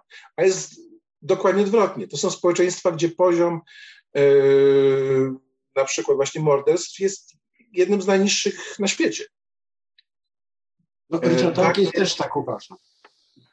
Um, tylko, że Dawkins raczej nie byłby przygotowany y, tutaj przyznać religii y, tego, że w pewnym momencie, w pewnych kulturach przez jakiś okres grała ona ważny, ważną rolę w kształtowaniu i podtrzymywaniu zachowań moralnych. Dziękuję bardzo. Przejdziemy do, do następnych pytań. Y, pani Agnieszka Halemba dalej w kolejności. Dziękuję bardzo. Mam pytanie dotyczące Twojego, Konradzie, projektu na temat sekularyzacji. Tak. E, jaką rolę w tym projekcie, to mnie zaciekawiło, mają podejścia kognitywne tak naprawdę? Dlatego, że w sposób, znaczy są tutaj dwie kwestie. Sposób, w jaki o tym mówiłeś, no to to były takie badania socjologiczne. I oczywiście, jak wiesz, jestem za współpracą i ogólnie międzydyscyplinarnością, więc tutaj nie ma problemu. Natomiast jeżeli e, podejścia kognitywne, tak jak je przedstawiłeś i tak jak ja je znam, tutaj ich podstawą jest to, że podstawy poznania ludzkiego są takie same i religia nie jest tu niczym specyficznym, tylko wykorzystuje mechanizmy, które są znane z innych pól. Mhm. Gdzie, jak, w jaki sposób wykorzystujesz kognitywistykę w tych swoich modelach i komputerach i tej sekularyzacji? Mhm. Czy wykorzystujesz ją? Czy to jest okay. jakby kompletnie inny e, e, aspekt Twoich zainteresowań? Dziękuję. Okej, okay. No więc może właśnie wrócę do tego, jak się konstruuje E, tutaj modele. Również tutaj mówi się o modelach agentowych i też mówi się o modelach e, systemów dynamicznych, gdzie akurat w tym kontekście ja będę mówił o modelach systemów dynamicznych indywidualnych agentów, indywidualnych właśnie tych systemów poznawczych, tych aspektów, które są ważne akurat dla danych kwestii E, związanych z religią, związanych z sekuryzacją. Czyli końcowym efektem, który chcemy mieć, to chcemy mieć model całego społeczeństwa. ale żeby zbudować model całego społeczeństwa, to najpierw musimy mieć w jakiś sposób zmodelowanych indywidualnych, musimy mieć zmodelowane indywidualne osoby, które będą później w tym społeczeństwie. I te modele mogą być bardzo proste. To mogą, może, mogą być bardzo proste takie, że to są proste reguły, że dany, yy, dana osoba dany agent, prawda, jak to jest w tym języku, e, będzie się zachowywał w dany sposób, jeżeli znajdzie się w danej sytuacji. Albo to może być złożony y, model właśnie oparty na y, teoriach tutaj właśnie kognitywistycznych, e, który będzie przedstawiał nie tylko relacje pomiędzy środowiskiem a zachowaniem tego agenta, tej osoby, ale będzie przedstawiał całą serię zmiennych wewnętrznych, poznawczych tej osoby. Y, będzie przedstawiał interakcje pomiędzy nimi i prawda, jak będzie miało się to pudełko, to później to pudełko można wstawić razem z tysiącem, dziesiątką tysięcy albo nawet setką tysięcy yy, takich pudełek, gdzie każdy agent jest wewnątrz inny, to jest bardzo ważne. Nie traktujemy tutaj społeczności jako w pewnym sensie takiego takiej cieczy. No, że to wszystko jest traktowane razem. Każda osoba jest traktowana jako inna. Każda osoba ma inne stany umysłowe.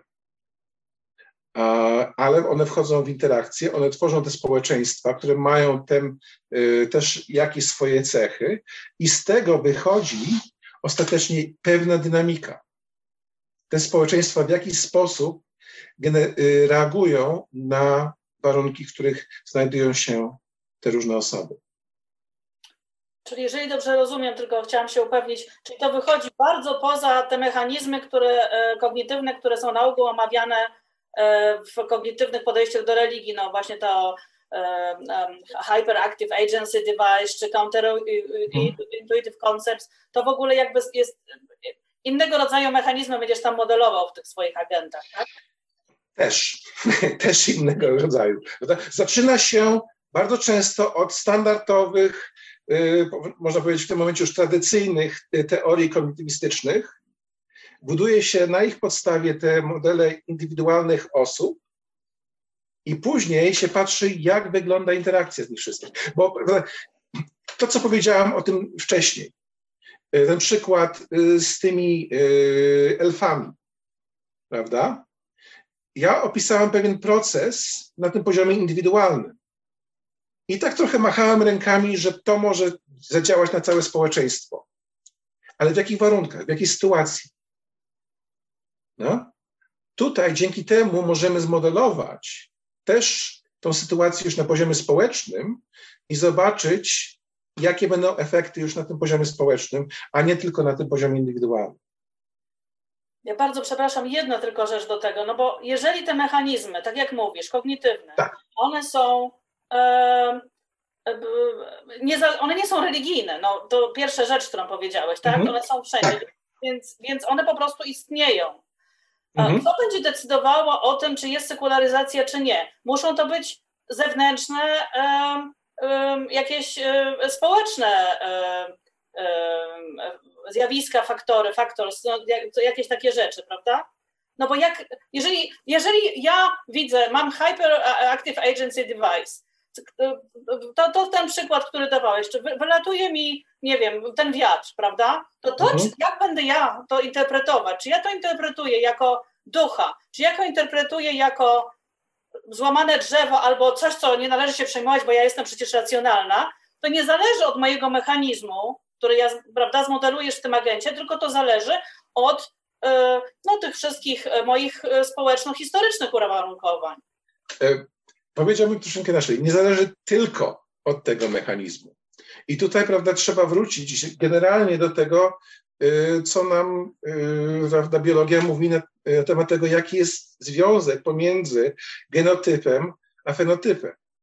To nie jest tak, że genoty, genotyp generuje dany fenotyp. Nie, to jest genotyp w interakcji ze środowiskiem generuje dany fenotyp. Tak więc to, że mamy pewne mechanizmy, które w pewnych warunkach będą działać w ten i ten sposób, to też jest to, że w innych warunkach, które mogą być związane właśnie z historią danego społeczeństwa, może, mogą być związane z danym momentem danej osoby, będą generować inne rezultaty. Prawda? Bo gdyby było tak, że y, religia jest po prostu wpisana w ludzkie umysły, jak to czasami się słyszy, przez ewolucję, to sekularyzacja w ogóle by była niemożliwa. Nie no, ja wiem przecież. Tylko... Przepraszam, ja się włączę, bo prowadzą Państwo niebywale interesującą dyskusję metodologiczną.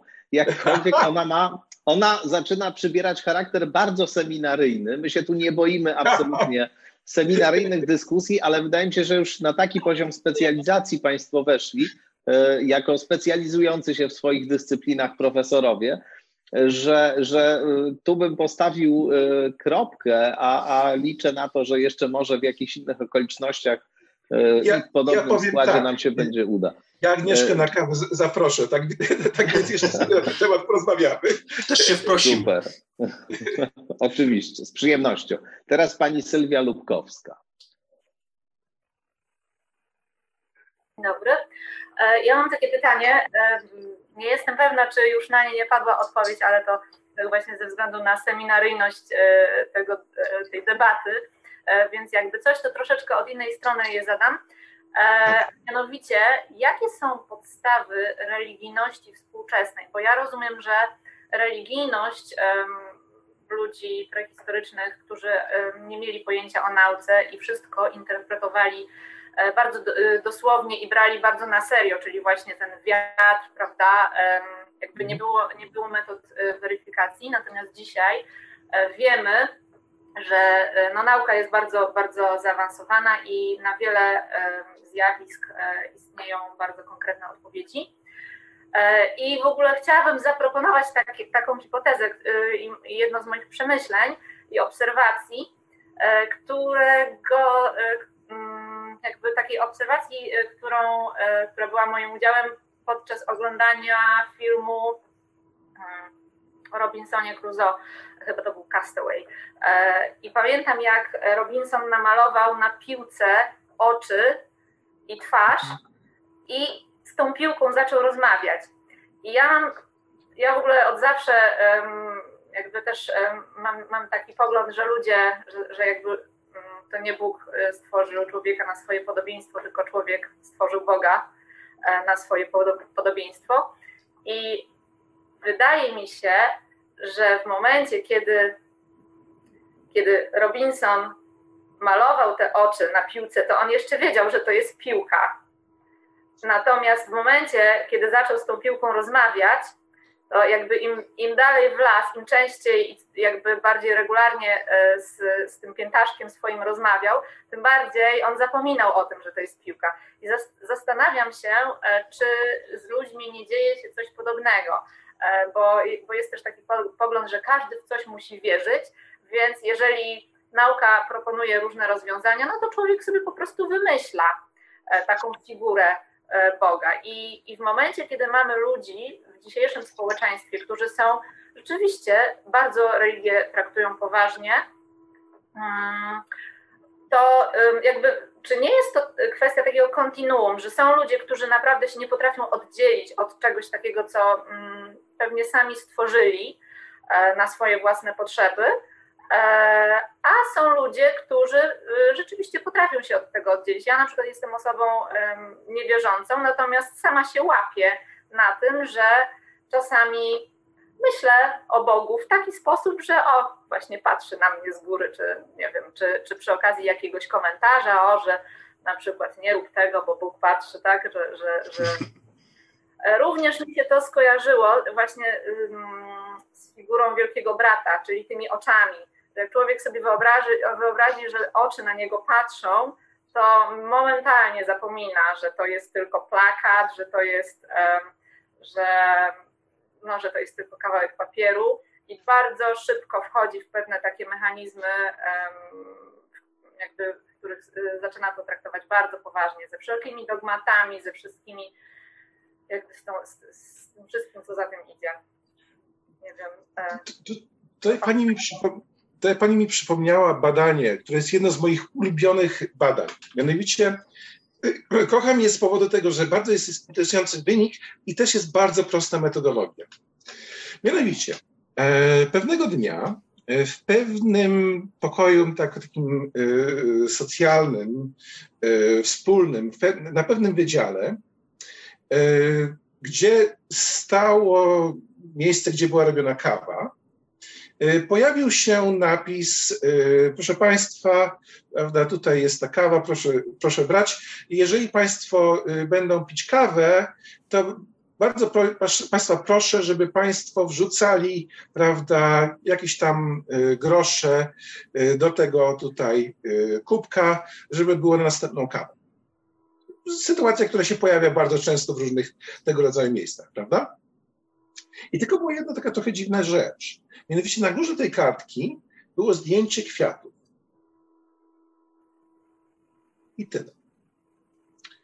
Po tygodniu ta kartka była zmieniona, ponieważ zamiast zdjęcia kwiatów na górze było zdjęcie pary oczu. Reszta tekstu była dokładnie taka sama. Tydzień później znowu zmieniono, były znowu kwiaty, później znowu oczy, później znowu kwiaty, później znowu oczy. I co zrobiono? Um, policzono, ile pieniędzy wpływało w dane tygodnie, ile ludzie dali, dawali tych pieniędzy. No? I co się okazało? W tym tygodniu, kiedy były oczy, da, da, było dużo więcej niż jak kwiaty. Oczy, kwiaty, oczy, kwiaty, oczy, kwiaty. Prawda? Um, I y, badanie prościutkie, a rezultat właśnie taki, jak pani mówiła, że w momencie, kiedy ludziom pojawiała się, i to w sposób oczywisty, oczywisty to, to nie mogła być yy, świadoma myśl. Bo świadomie to się widzi, że to, to jest tylko zdjęcie. To musiało być coś nieświadomego. A jednak wystarczająco mocne było, żeby oddziaływać na nich tak, że dawali więcej w tym, w tym czasie.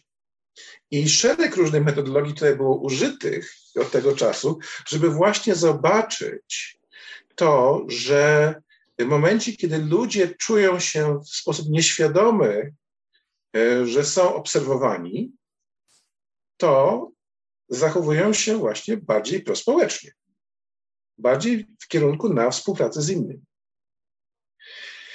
I co jest z tym związane? To jest to, że wydaje się, że ta idea Boga, który jest wszechwidzący i który ocenia nasze zachowania z punktu widzenia moralnego, to jest właśnie jeden z tych mechanizmów, które istnieją w różnych religiach, w różnych formach, które motywują zachowania prospołeczne. Jest, to jest pierwsza rzecz, którą bym powiedział na temat tego, co pani powiedziała. Drugą rzecz, którą bym powiedział, to jest to, że od czego pani zaczęła tej idei, że nauka wyprze religię, e, to jest oczywiście pewne stanowisko, które jest w miarę typowe dla wielu myślicieli z okresu oświecenia i wychodzących z tej tradycji. Powiem tak, dane na to nie wskazują. Jak się popatrzy na poziomie indywidualnym, rzeczywiście jest antykorelacja pomiędzy poziomem edukacji naukowej a poziomem e, przekonań religijnych. Ale to jest słaba e, antykorelacja. Te różnice, które teraz widzimy, to zjawisko, które teraz widzimy, nie wydaje się, mówię o sekularyzacji, nie wydaje się być związane z jakimś większym poziomem nauki w naszym społeczeństwie. Wydaje się być związane z tym, co mówiłem wcześniej, z warunkami życia które oczywiście istnieją dzięki temu, że mamy naukę, która pozwala y, nam taki poziom y, dobrobytu zabezpieczyć ale wprost nie ma tego, że poglądy naukowe po prostu na poziomie co najmniej populacji wypierają poglądy religijne. Ok? Um, tak więc ten problem co do e, religijności dzisiejszej w porównaniu z religijnością dawną nie jest taki duży, ponieważ obecność nauki nie stanowi takiego dużego problemu dla poglądów religijnych. Po prostu dwutorowo to idzie. Nauka religii nie przeszkadza. Można tak powiedzieć, właśnie tak, że to jest, że to jest w pewnym sensie dwutorowe, tak. No, Dobrze, teraz Hans. Wiktor chyba. Wiktor, Wiktor zniknął, ale Hans był troszkę wcześniej. Hans, słyszycie mnie? Po pierwsze chciałem jak gdyby się odnosić do tej koncepcji funkcjonalności, ewolucyjności albo prospołecznych jak gdyby elementów jak gdyby w religii. Mi się wydaje, że to wszystko jest słuszne, tylko to jest zależy, to zależy od czasu, prawda? Od czasu i od, od grupy społecznej, które ją wykonują. No niewątpliwie chrześcijaństwo w swojej pierwotnej formie było takim ruchem, było takim religią i ruchem rewolucyjnym, prawda? Przeciwko tej, tego oplężenia, przeciwko tej, tej niewoli. Tysiąc lat później, 1500 lat później, w średniowiecza, kiedy już mamy Kościół, to ten Kościół służy, jest, też jest funkcjonalny, tylko jest funkcjonalny wobec władzy. Prawda? I w czasach jak gdyby rewolucji francuskiej, no to ta, ta, ta grupa kościelna, ona stanowiła jak gdyby ten drugi stan. Prawda? Mhm. Ona wówczas też była, rewolucy, też była już nie rewolucyjna, ale też jest utrzymująca jak gdyby. Jest jak gdyby służy do utrzymania władzy. I to jest zupełnie co innego. Czyli jedno i drugie jest funkcjonalne, tylko w zależności dla kogo i kiedy. Okej, okay, to ja bym powiedział, powiedział tak, jedno drugiego nie wyklucza. No nie, pierwsze... tylko państwo, nie, to tylko Państwo mówiliście o tym, jak o ogólnych aspektów w ogóle religijność i funkcjonalność. Ja wiem, nie wyklucza, to ja zgadzam się z tym. Tylko jak gdyby nie jest taki uniwersalny aspekt. Jakby, tutaj, tutaj trzeba powiedzieć kilka rzeczy. Po pierwsze, y, jak się popatrzy na takie podstawowe różnice pomiędzy moralnością osób wierzących, osób niewierzących, to jedną z takich właściwie interesujących cech to jest to, że moralność osób wierzących bardzo często jest ograniczona do grupy własnej. To jest bardzo mocne rozróżnienie pomiędzy tym, jak można traktować osoby, y, które należą do grupy własnej, a resztę. Zresztą, jak się popatrzy tutaj na Stary Testament, to to widać właściwie czarno na białym. W dekalogu jest napisane: nie zabijaj. Ale co robią y, prorocy i prawda, wodzy y, ludu? Mordują tysiącami, ale nie członków własnej grupy. Mhm. Nie, nie, ja, to, ja, ja rozumiem. Jak pan pozwoli, jeszcze jedno pytanie mam ważne. Ale może jeszcze, okej, okay, nie, proszę bardzo, proszę bardzo. Mhm. Nie, jak pan chce zakończyć argument, to jest drugi, to jest drugi element. Nie, to też inne rzeczy chciałem, ale już... jak gdyby pan sam powiedział, jak gdyby no, każdy system naukowy ma jak gdyby pewne, pewne twierdzenia, które są poza tej nauki, poza tej nauki.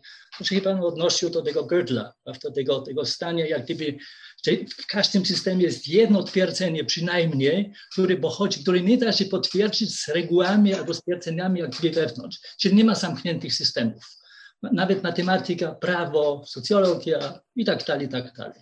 Bardzo śmieszne jest jak gdyby też, jak, jak się słyszy dyskusje teraz na temat biurologii, prawda, gdzie po prostu jest to ta, no cały czas się mówi, że te, te, te wiry jak gdyby chodzą, myślą, atakują i tak dalej. No więc to, to są typowe nienaukowe jak gdyby twierdzenie i ciekawe, że to nie, nigdy nie jest jak gdyby tematem dyskusji. Ale jeśli, jeśli to się akceptuje, i Pan mówił potem, że no ale jednak jesteśmy w stanie to potwierdzić. No ja sądzę, jak są to twierdzenia substancjalne, ważne, to nie da się ich potwierdzić. I w związku z tym mam pewną teorię, czy, jest, czy nie jest to tak, że nie ma zasadniczej różnicy między twierdzeniami religijnymi i niereligijnymi. Prawda? I nawet, no, muszę do, do Pawła, że trochę, trochę pukać, no, Paweł, który, który zawsze twierdzi, jest na stanowisku jak gdyby tej totalnej racjonalności. To, i, i, ja nie, nie, pamiętam twojego jak gdyby jakiegokolwiek stanu, który jest, który jest nieracjonalny, prawda? No to jest też już pewna forma religii, czyli to jest cofanie się do pewnego zespołu, jak gdyby twierdzenie, po gdzie jak gdyby ten system jest, czy on metasystemem jest, czy on jest na niższym poziomie, to jest właściwie wszystko jedno jest to, tego racjonalność też jest koncepcja, która jest jak gdyby totalitarna w tym, w tym sensie. Prawda? I to jest druga, a trzecia, ostatnia, jak, to, jak Państwo pozwolicie, no religia ma coś wspólnego też jakby z emocjami, ze strachem. Było badanie robione chyba na 100 osób, które przeżyli kliniczną śmierć, prawda, i zostały przywrócone do tego do życia. I co się okazało, że większość ludzi po prostu straciło strach przed śmiercią, raz, ale, ale prawie wszyscy, 80 staje się procent, przewróciły się na religijność. Stały się bardziej religijni, aniżeli przedtem. Prawda? Do tego, to, i, I też jest to chyba tak, że no, skoro teraz żyjemy prawie, mamy perspektywy przynajmniej, żeby żyć 70-90 lat około, prawda? to jest co innego, to mamy inny stosunek wówczas do religii, aniżeli gdyby w ludach albo w społecznościach, które po prostu jak cała Afryka, które ma 42-43 lata oczekiwania życia. Tam właściwie no, nic innego nie ratuje niż, aniżeli myślenie religijne. My, nam to może nie jest o tyle, my musimy to odpychać od nas dalej. Ja pamiętam, jak ja miałem 25 lat, 30 lat, to myślałem, no to śmierć jest daleko, więc tym się nie zajmuję. Teraz to się zajmuję bardziej, jak gdyby bardziej zastanawiam się w tej chwili. Nie jestem co do tysiąca spraw, jak gdyby pewien, aniżeli przed tym byłam. Na tyle. Dziękuję. To może zacznę od czegoś, co na pewno spowoduje, że y, Agnieszka y, się uśmiechnie. Mianowicie zacznę od bardzo y, słynnego przykładu z badań, prawda, słynnego polskiego antropologa. Zresztą właśnie jest tak, że często jak Y, pokazuje studentom jego zdjęcie, to zadaje pytanie, czy Państwo wiedzą, kim jest ten pan tutaj? I generalnie studenci nie wiedzą. Nie wiedzą, kim y, jest ten y, naukowiec. No mówię im, że akurat ten pan prawda, jest Polakiem, był Polakiem raczej i grał tak samo kluczową rolę w swojej nauce, jak Maria Curie-Skłodowska albo Kopernik w swoich naukach. I cały czas um, studenci niekoniecznie wiedzą. Oczywiście chodzi tutaj o Bronisława Malinowskiego i chodzi tutaj o jego przykład y, dotyczący połowu, y, tradycji połowu ryb na Wyspach y, Trobianskich. Mianowicie on zauważył pewną prawidłowość. W momencie, kiedy ci wyspiarze wypływali łowić ryby, ryby y, w atolach, w miejscach otoczonych przez wyspy, gdzie to, ten połów był w miarę przewidywalny i bezpieczny, po prostu wsiadali do łódki, wypływali, łowiły, łowili te ryby i wracali do domu. W momencie, kiedy oni wypływali na pełen ocean, gdzie ta praktyka była związana z dużo wyższym poziomem niebezpieczeństwa, z dużym, dużo wyższym poziomem niepewności co do efektu końcowego. Po pierwsze, przed wypłynięciem był szereg rytuałów. W ciągu yy, yy, połowu był szereg tabu, które trzeba było, na które trzeba było uważać. I po, po, powrocie znowu były rytuały związane, prawda, tutaj z, z dziękowaniem, że y, udało im się. Tak więc e, to, co y, Pan powiedział na temat y, właśnie poczucia bezpieczeństwa, stresu, poczucia niebezpieczeństwa, to jak najbardziej wydaje się jest związane właśnie z pojawianiem się przekonań y, nadprzyrodzonych, z, z pojawianiem się religijności. I to zresztą też jest związane z tym, o czym mówiłem wcześniej. Tym y, podstawowym poczuciem bezpieczeństwa egzystencjalnego, które wiele dzisiejszych społeczeństw nam daje. Okay? Idąc dalej do tyłu, y, z tym, o czym Pan mówił, y, co do różnicy między nauką a religią. Y, wiadomo, nauki są bardzo różnorodne, mają bardzo różnorodne metodologie. Religię, tak jak powiedziałem, tutaj nie da się tak po prostu zdefiniować, ale jest pewna prawidłowość, która wydaje mi się gra tutaj kluczową rolę w kształtowaniu tych różnych systemów społecznych. Bo zauważmy, co tutaj mamy do czynienia. Mamy właśnie umysły ludzkie, które są bardzo podobne i w tym przypadku, i w tym przypadku, a tutaj generują przekonania religijne, te przekonania naukowe. Prawda? Tak więc wydaje się, że tutaj musi ogromną rolę grać właśnie ten kontekst społeczny, w którym się znajdują, żeby ukierunkowywać to, jak, co, co generują te umysły. No i tutaj jest, yy, wydaje mi się, że ważna różnica pomiędzy tym, na czym polega i z czym jest związana funkcjonalność tych przekonań, które są generowane przez naukę i tych, które są często generowane przez co najmniej niektóre religie. Mianowicie funkcjonalność przekonań, powiedzmy tak w sposób uproszczony, naukowych, jest związana z ich prawdziwością. No. E, szczepionka na covid to jest kluczowe, że ona działa. Prawda? W przypadku przekonań religijnych, jeżeli ich funkcjonalność jest związana z tym, że one motywują ludzi do zachowań prospołecznych, to nie jest ważne, czy te przekonania są prawdziwe. Jeżeli ludzie uważają, że istnieje wszechmogący Bóg, który wszystko widzi ich ocenia, i to powoduje, że oni się z tego, y, dzięki temu zachowują bardziej prospołecznie, nie jest ważne, czy ten Bóg istnieje. Ważne jest, czy oni w to wierzą. Ok? Tak samo jest w teorii kwantowej, prawda? Ona funkcjonuje. No nie, nie, nie wydaje mi się. W przypadku teorii kwantowej to akurat mamy, yy, prawda, yy, mamy yy, wyliczenia, które są z tak ogromną y, dokładnością, że to może nie jest tak, że wszystkie elementy y, tej teorii są prawdziwe, ale w dużej mierze ta teoria musi bardzo blisko odzwierciedlać rzeczywistość, żeby tak się działo. Ale czy ten kod jest żywy, nie jest żywy, jak gdyby to jest jak gdyby sprzeczne naszym jak gdyby w ogóle logicznym, logicznym myśleniem, ale nie mniej da się udowodnić, jak gdyby nasze tą teorię jak gdyby utrzymywać. Prawda? Ale to jest, to jest inna daleka sprawa. Okay. przynajmniej dwa były żywe, bo widziałem, także na szczęście są jeszcze żywe. A studenci pewnie pewnie bardziej by zrozumieli, o kogo chodzi, jakby zatoczyć, znaczy przytoczyć główne dzieło Malinowskiego, czyli Życie seksualne dzikich. Być może wtedy by mi coś zadzwoniło.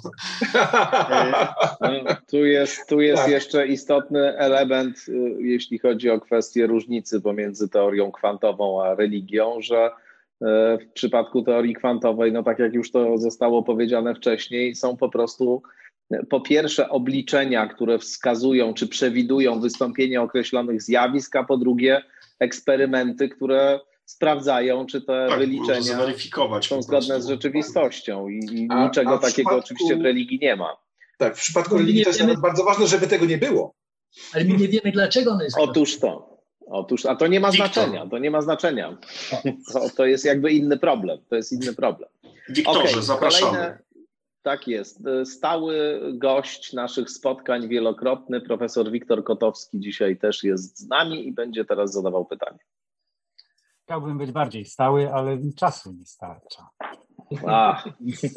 E, bardzo, bardzo dziękuję za dzisiejsze spóźnione przyjęcie. Za, za dużo siedzisz na mokradłach. Nie, za mało. Ja chciał więcej. Siedzę przed komputerem i nauka dzisiejsza. Dobrze.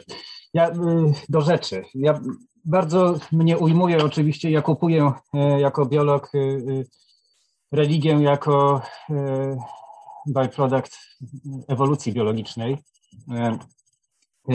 ale wydaje mi się, że to nie wyczerpuje całości złożoności zjawiska i jego konsekwencji, a jako ekolog ekosystemu jestem bardziej zainteresowany konsekwencjami zjawisk niż ich przyczynami. Znaczy, może nie bardziej zainteresowany, ale w tym zawsze się zastanawiam nad ich konsekwencjami. A jeżeli my jesteśmy ewolucyjnie zwierzęciem religijnym, czyli e, e, no, e, ewolucja nas wyposażyła w system analizy i systemy poznawcze, a nie wyposażyła nas w wiedzę, więc tą wiedzę musimy sobie dorobić takimi narzędziami, jakie, jakie mamy, to, to te prostsze narzędzia i prostsza wiedza wypiera bardziej skomplikowaną, więc to, co się daje łatwiej zrozumieć i pojąć, y, y, y, jest naturalnie dla nas bardziej akceptowalne. To moim zdaniem tłumaczy, dlaczego bez, dodatkowych jakichś studiów bardziej wybieramy przekaz religijny niż przekaz naukowy. Jest prostszy i łatwiejszy. Ale ja nie o tym chciałem. Chciałem spytać, co pan profesor, pan Konrad, sądzi o zdaniu Harariego, który uważa za religię wszystkie takie powszechne nurty społeczne, które opierają się na jakichś kodeksach moralnych.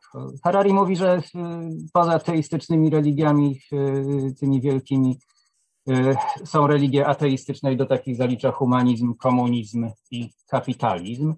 I tutaj dochodzą inne znaczenia religii. Poza tym racjonalizacją różnych naszych przeczuć to jest to, o czym Pan wspomniał trochę, czyli funkcja jednoczenia różnych społeczności. Im potężniejsza religia, tym większą społeczność można zjednoczyć. I druga funkcja, czyli religia jako władza, co możemy obserwować chociażby w tej chwili w naszym kraju, ale, ale również na przykładzie tego, co jeżeli pójdziemy za Hararim i uznamy komunizm, kapitalizm za religie spajające pewne fragmenty świata i społeczności. To wtedy ta religia jako władza y, y, nam się bardzo mocno uwydatnia.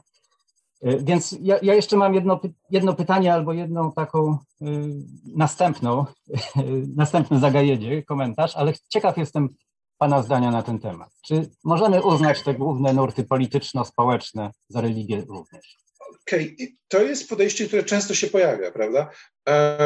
Co yy, i biorąc pod uwagę to, co powiedziałem na samym początku, że nie da się po prostu zdefiniować w poprawny sposób religii, ponieważ to nie jest jedno zjawisko naturalne, prawda, jedna kategoria, która istnieje jakoś tam w rzeczywistości, zupełnie abstrahując od y, naszych sposobów kategoryzowania. Tak więc można w ten sposób to kategoryzować. Co wydaje mi się, że jest problematyczne, co jest związane z tym sposobem kategoryzacji, to jest to, że to jest czasami używane przez niektóre osoby jako argument, żeby powiedzieć, że nie ma czegoś takiego jak sekularyzacja, ponieważ ludzie cały czas się organizują w jakieś organizacje, cały czas się przejmują kwestiami moralnymi, etc., etc., etc., etc. I to wydaje mi się, że wtedy już jest trochę nadużyciem. No to oczywiście, nie, na jakim poziomie i w jakim celu analizujemy zjawisko oczywiście. Dokładnie, dokładnie tak, dokładnie tak, prawda? Um, akurat to, co, y, znaczy od czego zaczęliśmy, ta teoria właśnie, że y, z tej mojej książki, że religia jest magiczną ideologią, to tutaj y, ta kategoria, która się pojawia w tym kontekście, to jest kategoria ideologii. Mhm. Gdzie ideologie to są właśnie takie zbiory przekonań, które oddziałują na ludzi w ten sposób, że one motywują zachowania prospołeczne. Okay? No właśnie, czy prospołeczne, bo to, to, to, to, jest ciekawe w kwestii, w świetle wyzwań, to ja, ja pozwolę sobie kontynuować. Oczywiście. Je, je, je, jeżeli religia jako instytucja już, a nie tylko nasz y, aparat y, poznawczy i, i, i imaginacyjny, e, ma taką funkcję, która spaja społeczeństwa, nadaje nam jakiś kierunek działań i, i motywuje do tych działań. E, I, I wtedy to może być religia y, teistyczna i może być ta Harariego y, polityczna, powiedzmy. Już wtedy bym po prostu powiedział ideologia. Dobrze. E, to, to w takim razie jakie są konsekwencje? Y, no i konsekwencje dla relacji między takich politycznych. No to, to wiadomo, że religie Wojny religijne są najkrwawszymi z wojen i ta religia często motywuje y, różne konflikty o zasoby, y, o narodowe i tak dalej, motywuje, motywują się, czy one się racjonalizują w naszych umysłach y, kwestiami religijnymi i bardzo łatwo w ten sposób zdefiniować wroga. E, natomiast jako, że ja się zajmuję kwestiami ekologii, to zastanawia mnie od dłuższego czasu takie pytanie, czy my większą szansę mamy poradzić sobie z, ze zmianami klimatu i innymi zagrożeniami środowiskowymi jako ludzie e, religijni, czy jako ludzie niereligijni. E, I czy to zjawisko sekularyzacji sprzyja naszemu ratunkowi przed mhm. katastrofą, którą sobie szykujemy, czy wprost przeciwnie? Bo z jednej strony e, religia skraca naszą perspektywę. My mamy jakąś obietnicę życia wiecznego, religia też y, daje pewną egocentryczną perspektywę. Ja dla siebie mam, y, mam sobie zapewnić ten raj, I, i, I w sumie nie daje tak naprawdę tego poczucia dbałości o, czy perspektywy dbałości o dobro wspólne. Chciałbym zauważyć, że w tym momencie mówimy o pewnej interpretacji pewnej konkretnej religii. Tak, tak. Chrześcijaństwa. Prawdopodobnie. Mówimy o religii generalnie. Gdybym patrzył na to z perspektywy buddyzmu, pewnie byłoby to inaczej, e, ale to jest bardzo specyficzna e, mhm. religia. E, z drugiej strony mamy te, to wezwanie do czynienia znowu w chrześcijaństwo, do czynienia sobie ziemi poddaną, która też daje pewną, pewien bagaż arogancji nam, tak? Mamy rządzić. No pytanie, jak rządzimy? Czy rządzimy w sposób zrównoważony i myślimy o przyszłych pokoleniach, czy nie? Więc czy ta obietnica eschatologiczna o życiu poza Ziemią nie powoduje, że my przestajemy o ten świat własny dbać? Jest trochę na marginesie, pani pada specjalizacji, ale ciekaw jestem pana zdania. Tak, tak jak mówię, wydaje mi się, że ten sposób, jaki e, tutaj pytanie zadane, to jest związane właśnie z konkretną formą konkretnej religii, prawda? Jednakże wydaje mi się, że można odpowiedzieć na pytanie to bardziej szerokie, czyli właśnie co nam daje lepszą podstawę ku temu, żeby sobie poradzić z takim problemem, jak właśnie zmiany klimatyczne. I tutaj wracam do czegoś, co powiedziałem wcześniej. Mianowicie, jak się popatrzy na stanowiska, porówna się stanowiska moralne osób wierzących z stanowiskami moralnymi osób niewierzących, to stanowiska moralne osób niewierzących generalnie są dużo bardziej otwarte na szeroko, dużo szerszą grupę. Y, przejmujemy się moralnie dużo szerszą grupą. Nie tylko naszą własną grupą społeczną, prawda, te osoby, które, z którymi się modlimy, powiedzmy, ale ludźmi generalnie, albo nawet szerzej jeszcze niż ludźmi generalnie, wręcz możemy się przejmować całym ekosystemem. No. Tak więc z tego punktu widzenia, z tego punktu widzenia, wyda, wydawałoby się, że odpowiedź jest, że to, co daje tutaj lepszą szansę, e, to jest podejście e, właśnie sekularne raczej niż e, religijne. No ale tak jak od czego tutaj zaczęliśmy, że to jest tylko obraz częściowy. Każdy obraz naukowy jest tylko obrazem częściowym, prawda? To, to jest podstawą nauki, że się przyznajemy do tego, że to jest tylko częściowy obraz. Że można dalej badać, więcej się, się dowiedzieć. Więc jak najbardziej wydaje mi się, że są możliwości w różnych kontekstach religijnych ku temu, żeby y, tradycje religijne grały pozytywną rolę w motywowaniu ludzi do tego, żebyśmy w końcu zajęli się tym problemem, który po prostu coraz bardziej na nas wpływa i coraz bardziej e, będzie zmieniał naszą rzeczywistość. E, Dziękuję bardzo. No, znaczy spodziewałem się takiego kierunku odpowiedzi. Ja nie jestem pewny bo wydaje mi się, że większość z nas i tak ma taką konstrukcję psychiczną, że E, potrzebuje e, ideologii w miarę prostej e, i głębokiej, głębokiej nomen, omen, na przykład ekologii głębokiej tak zwanej, która czerpie zarówno z ekologii naukowej, jak i z takich bardzo spirytualnych postaw. I w dyskusjach moich ze studentami dochodzimy często do wniosku, że tak naprawdę, żeby, żeby działania na rzecz środowiska były powszechne, to my potrzebujemy czegoś na kształt nowej religii, tego, żeby ludzie naukowcom, ekologom zaczęli wierzyć, a nie brać ich argumenty jako racjonalne i naukowo udowodnione, bo większość ludzi i tak nie będzie czytać prac naukowych, potrzebuje autorytetów, więc będzie traktować tą okay. zjadę klimatu jako ideologię.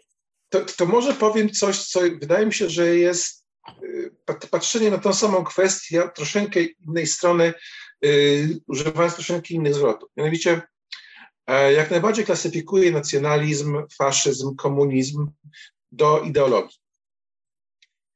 Ale czy w takim razie powinien klasyfikować też y, demokrację mhm. jako pewnego rodzaju ideologię? Czy to jest jakiś sposób organizacji społeczeństwa w pewnym sensie postideologiczny, bez, y, bez ideologii, prawda?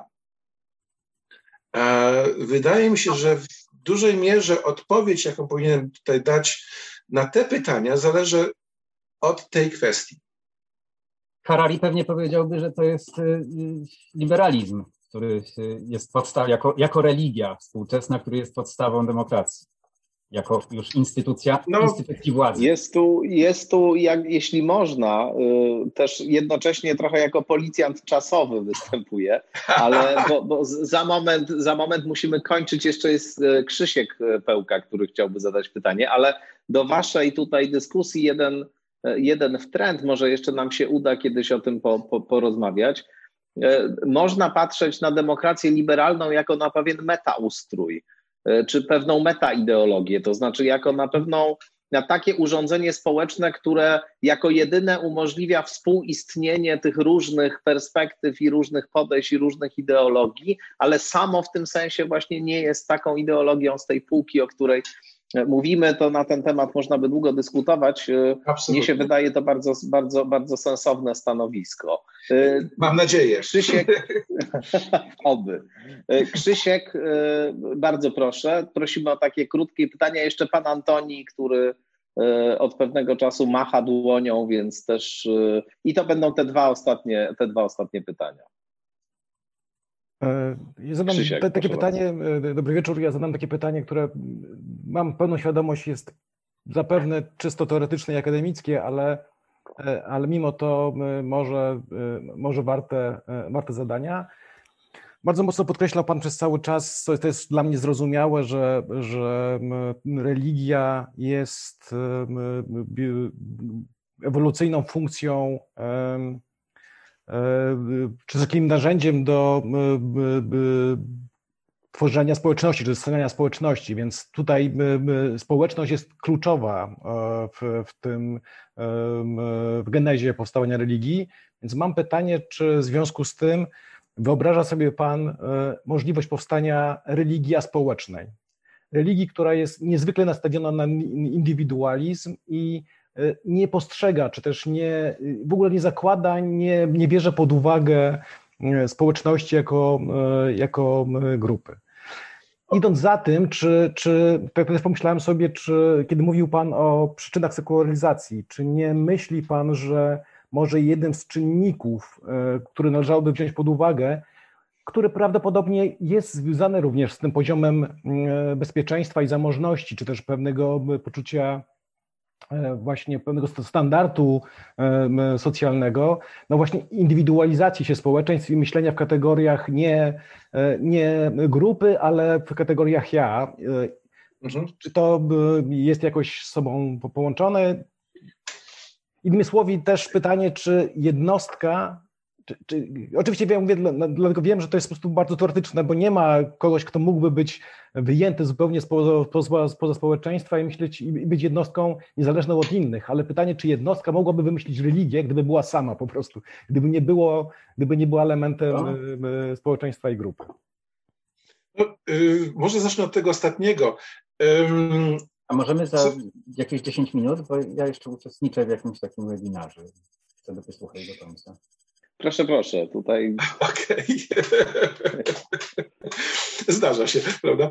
Um, okay. tak więc zacząć y, od ostatniego, to y, powiem tak, że y, to w jakim kontekście pojawiają się religie, to w pewnym sensie jest poza tym, czym się zajmuje kognitiwistyka religii i w tym samym sensie, jak, jak się popatrzy, prawda, yy, o, yy, na to, co, co mówił sam Darwin, prawda? Dar, Darwin, teoria ewolucji, tam mówiła o, o, tym, jak pojawiają się różne gatunki, jak się zmienia, zmienia gatunek w inny gatunek. Nie mówił o tym, jak powstaje życie. Prawda? Czyli my tutaj się zajmujemy tych, tymi procesami, które powodują, że pewne y, rodzaje tradycji religijnych są stabilne, inne są mniej stabilne w społeczeństwie, ale ta konkretna sytuacja, która spowodowała, że dany zbiór y, poglądów, pewne rytuały się pojawiły, to może być coś w miarę przypadkowego, pewna mutacja powiedzmy, prawda? Ludzie czasami mówią, że no, Jezus Chrystus musiał być bardzo specjalną osobą, ponieważ On stworzył chrześcijaństwo. to nie wydaje się wcale wynikać tutaj.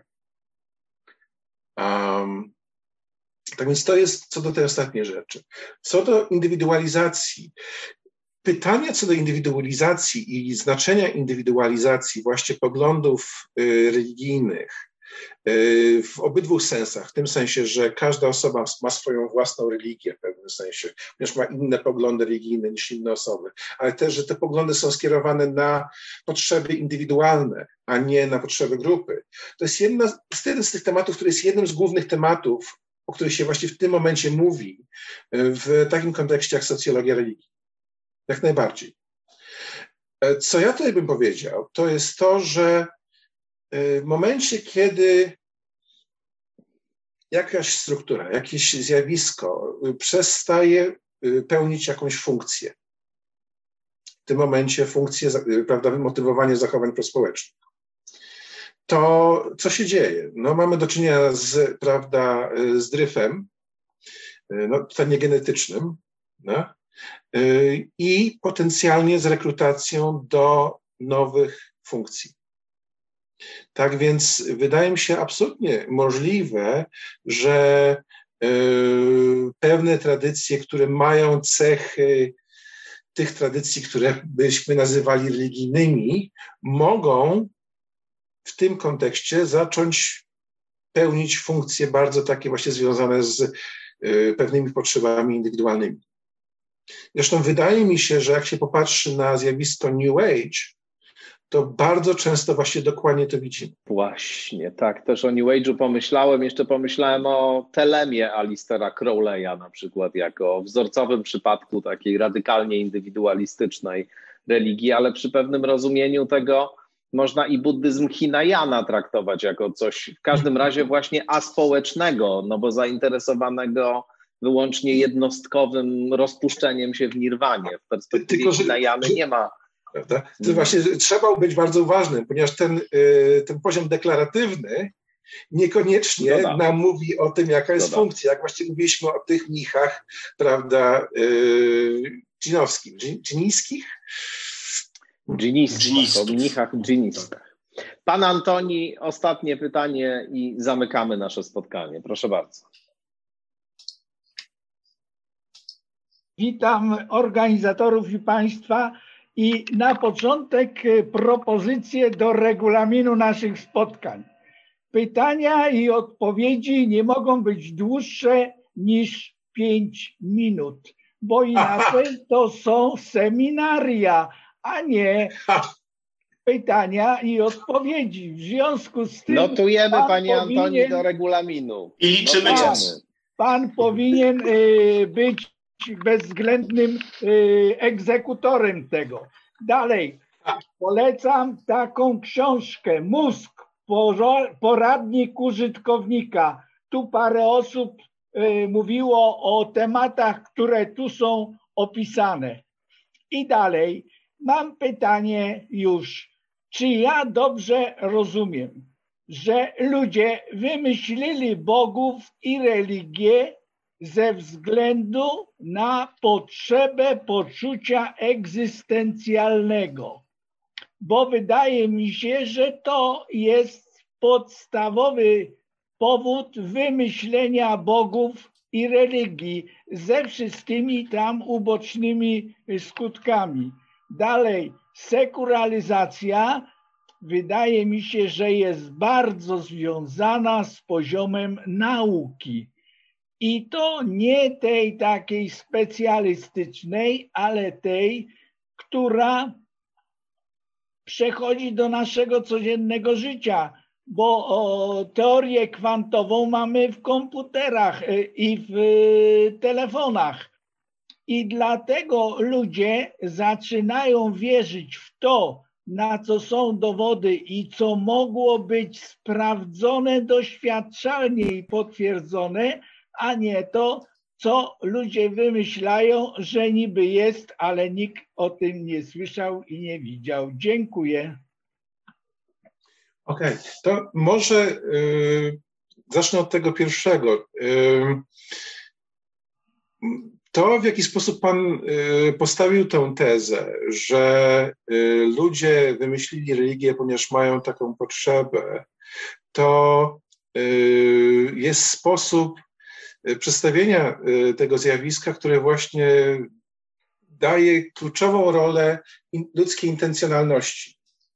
Co zresztą jest czymś, co jest bardzo stereotypowym właśnie dla podejścia religijnego gdzie intencjonalność gra, gra kluczową rolę w światopoglądzie. E, naukowy sposób powiedzenia tego to jest taki, że yy, prawda, yy, były te efekty uboczne, które ewolucja kulturowa przystosowała do pełnienia pełnej funkcji motywowania zachowań prospołecznych, co pozwalało na zbudowanie dużych społeczeństw. Tak więc usuwamy intencjonalność indywidualną, ludzką z tego fulcrum, tego centrum tego obrazu. E, drugą rzecz, którą bym powiedział, to jest to, że tak jak mówiłem wcześniej, dane nie wydają się potwierdzać, żeby e, nauka tutaj w jakiś sposób wypierała religię. I tutaj właśnie też można pomyśleć o tym, jaki człowiek jest w pewnym sensie tym efektem końcowym tego procesu y, sekularyzacji. Mianowicie y, często jak filozofowie, prawda, oświeceniowi bardziej czuli się optymistycznie, to myśleli, że efektem końcowym wypierania religii będzie człowiek naukowy, człowiek prawda, racjonalny. Tak nie jest. E, efektem końcowym jest człowiek, który o religii nie myśli. To jest tak zwany apateizm. No, to jest w pewnym sensie tak, jak ktoś się mnie zapyta, czy ja wierzę w Zeusa. Ja odpowiadam, kogo? Z Zeusa? Ale co, co to ma do czynienia ze mną? Ja to o tym w ogóle nie myślałem. Nie ma w tym momencie tego, że efektem końcowym są jednostki, które przez proces racjonalny doszły do konkluzji, że ta teza jest tezą błędną. To jest po prostu y, społeczeństwo, gdzie tego rodzaju poglądy nie mają miejsca, by, nie mają racji bytu, się po prostu nie pojawiają, nie są tematem y, dyskusji, to nie są żywe pytania. Dziękuję. Proszę to mi się bardzo. wydaje Dziękuję. bardzo fantastyczna konkluzja e, tak naszego spotkania, ponieważ e, no, wiemy do jakiego punktu e, tak naprawdę dążymy, a jednocześnie jednak konkluzja o przestawianiu krzeseł na Titaniku e, powoduje, że nie musimy się w takim razie zbytnio spinać i tak to przyjdzie. No, powiem tak, z powodu zmian klimatycznych możliwe, że nie będziemy mieli poczucia bezpieczeństwa egzystencjalnego. Być może tak, być może nigdy. A wtedy się może religia przydać. Więc A wtedy może się religia przydać. Spokojnie, spokojnie z herbatą w ręku przy, przyglądajmy się rzeczywistości. Bardzo dziękujemy. Serdecznie dziękujemy naszemu gościowi, profesor Konrad Talmont-Kamiński. Bardzo serdecznie Ci dziękujemy za przyjęcie zaproszenia Dziękuję i za fascynującą fascynującą dyskusję. Państwu też za to, że byliście z nami i za tę fascynującą dyskusję, wszystkie te głosy. Nie wszystkie się tu pewnie zmieściły i część z Państwa z poczuciem niedosytu wychodzi, ale jest to nasz znak rozpoznawczy, że zawsze się kończy z poczuciem niedosytu. Z tego słyniemy w tych spotkaniach. Do zobaczenia. Dziękuję bardzo. Do widzenia. Do widzenia. Jeżeli uznajecie ten podcast za wartościowy, jeżeli macie poczucie, że coś istotnego w wasze życie, w wasze rozumienie świata wnosi, to zachęcam do tego, żeby wspierać skądinąd finansowo za pośrednictwem Patronite albo mojej strony internetowej www.stawiszynski.org. No, na Patronite to prosty adres www.patronite.pl łamane na skandinat. Każdy grosz się liczy, każdy grosz pozwala istnieć i rozwijać się temu podcastowi. Przypomnę, że dla subskrybentek, subskrybentów e, wszystkich mamy grupę zamkniętą na Facebooku, na której dyskutujemy, wymieniamy się różnymi e, tekstami, obserwacjami A dla osób, które wspierają ten podcast kwotą 20 zł miesięcznie i wyżej, mamy również specjalny newsletter, który wysyłam co tydzień po każdym odcinku w środy i który zawiera rozmaite rekomendacje dotyczące tego, co jeszcze warto przeczytać, z czym może warto się zapoznać, jakie książki warto mieć. To wszystko oczywiście w kontekście czy wokół tematu, który w danym odcinku jest. Wszystkim patronkom, patronom, subskrybentkom, subskrybentom bardzo, bardzo serdecznie dziękuję za każde wsparcie. Dzięki dla pani Iwony Górskiej-Kotca, która jest absolutną rekordzistką, jeśli chodzi o wspieranie podcastu Skądinąd i życzę Państwu oczywiście wszystkiego najlepszego. No i jeszcze raz do usłyszenia.